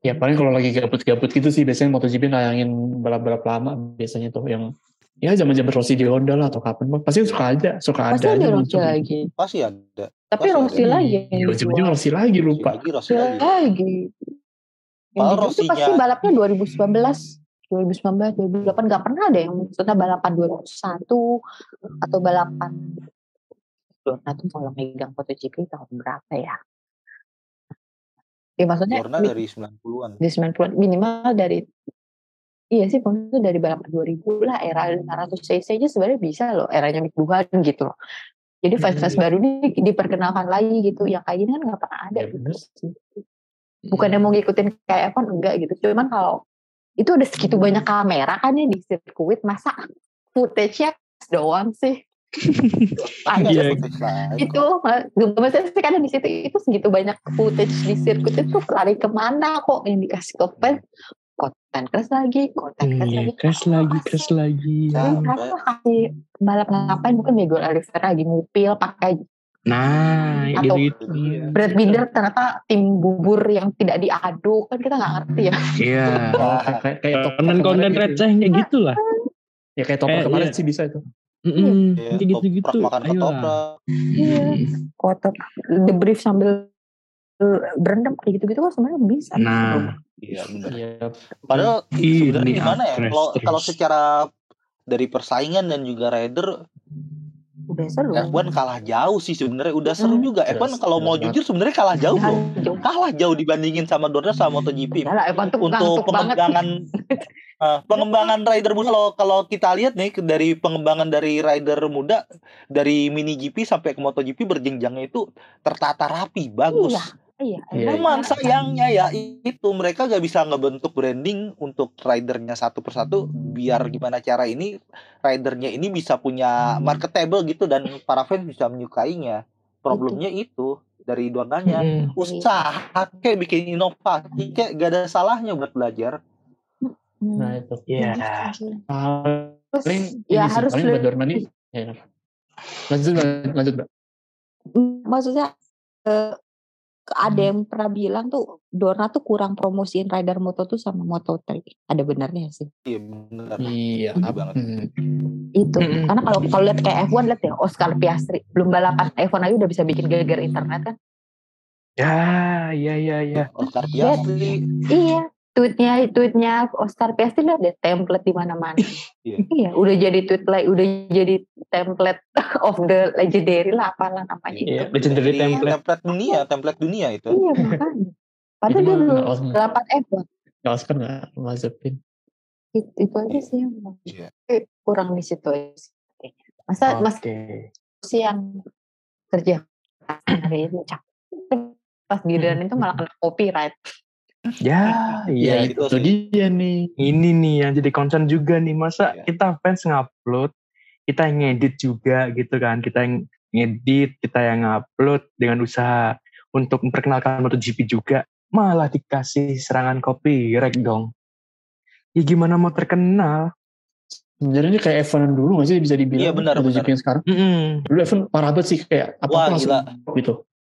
Ya, gue gue korban juga sih, ja. Gue bikin Iya. capek-capek akun sampai 5000 akun bahasa Inggris.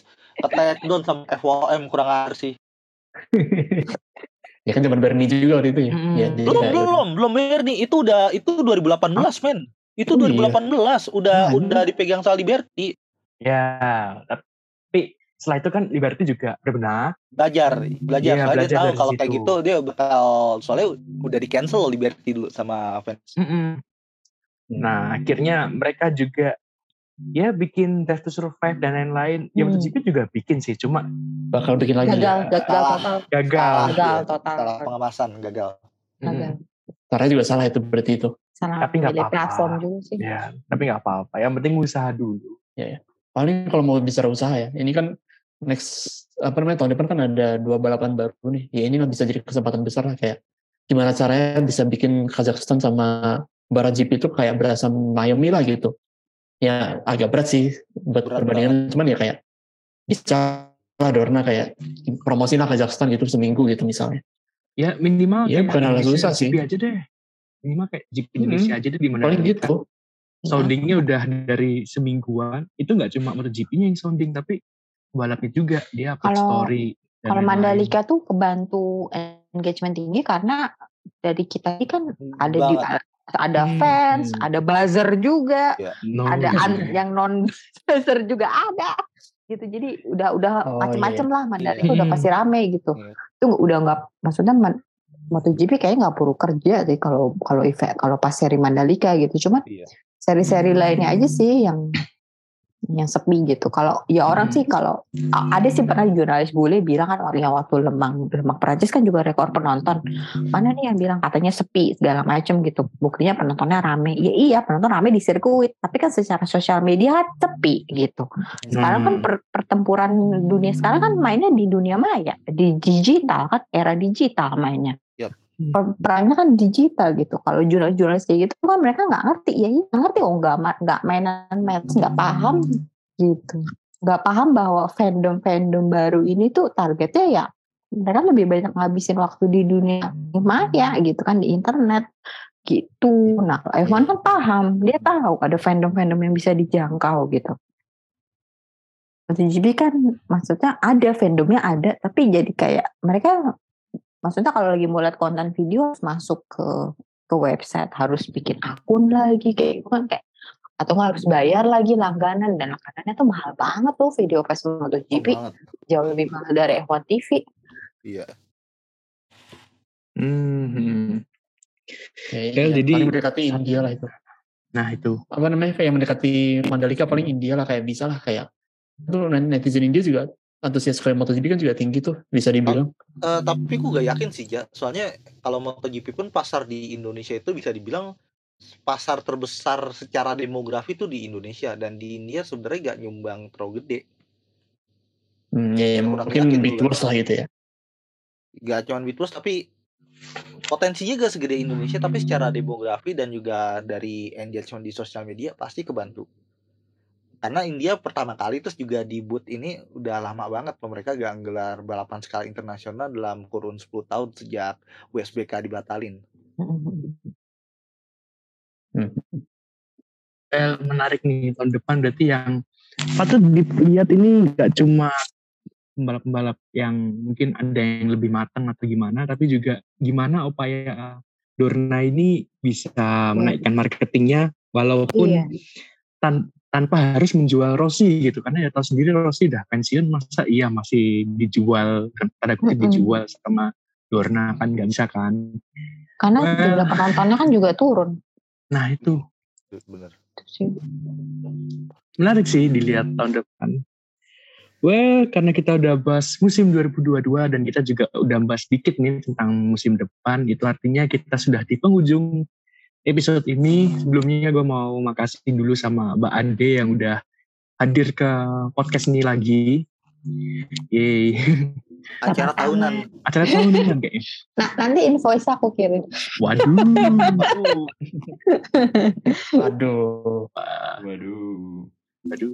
Pokoknya Lamres itu punya agenda tahunan. Kalau di akhir musim kita ngundang Mbak Ade untuk review MotoGP. Kalau di awal musim kita ngundang Balor buat ngejulitin livery. agenda tahunan sih itu. tukang livery deh beda kalau julidnya Iya. Eh, yang ngejinx gak ada ya? Kalau yang ngejinx. Oh ada. Waduh. Lapak sebelah itu biar udah lapak sebelah aja. itu biar Gak paksa sebelah. aja. nanti kita bahas di YouTube ya Iya. Oh. Ya. Ya. Terus terus. Well, yaudah deh. Makasih semuanya udah datang juga. Ada Ditra, ada Farisa, Krida, ada Mamang juga.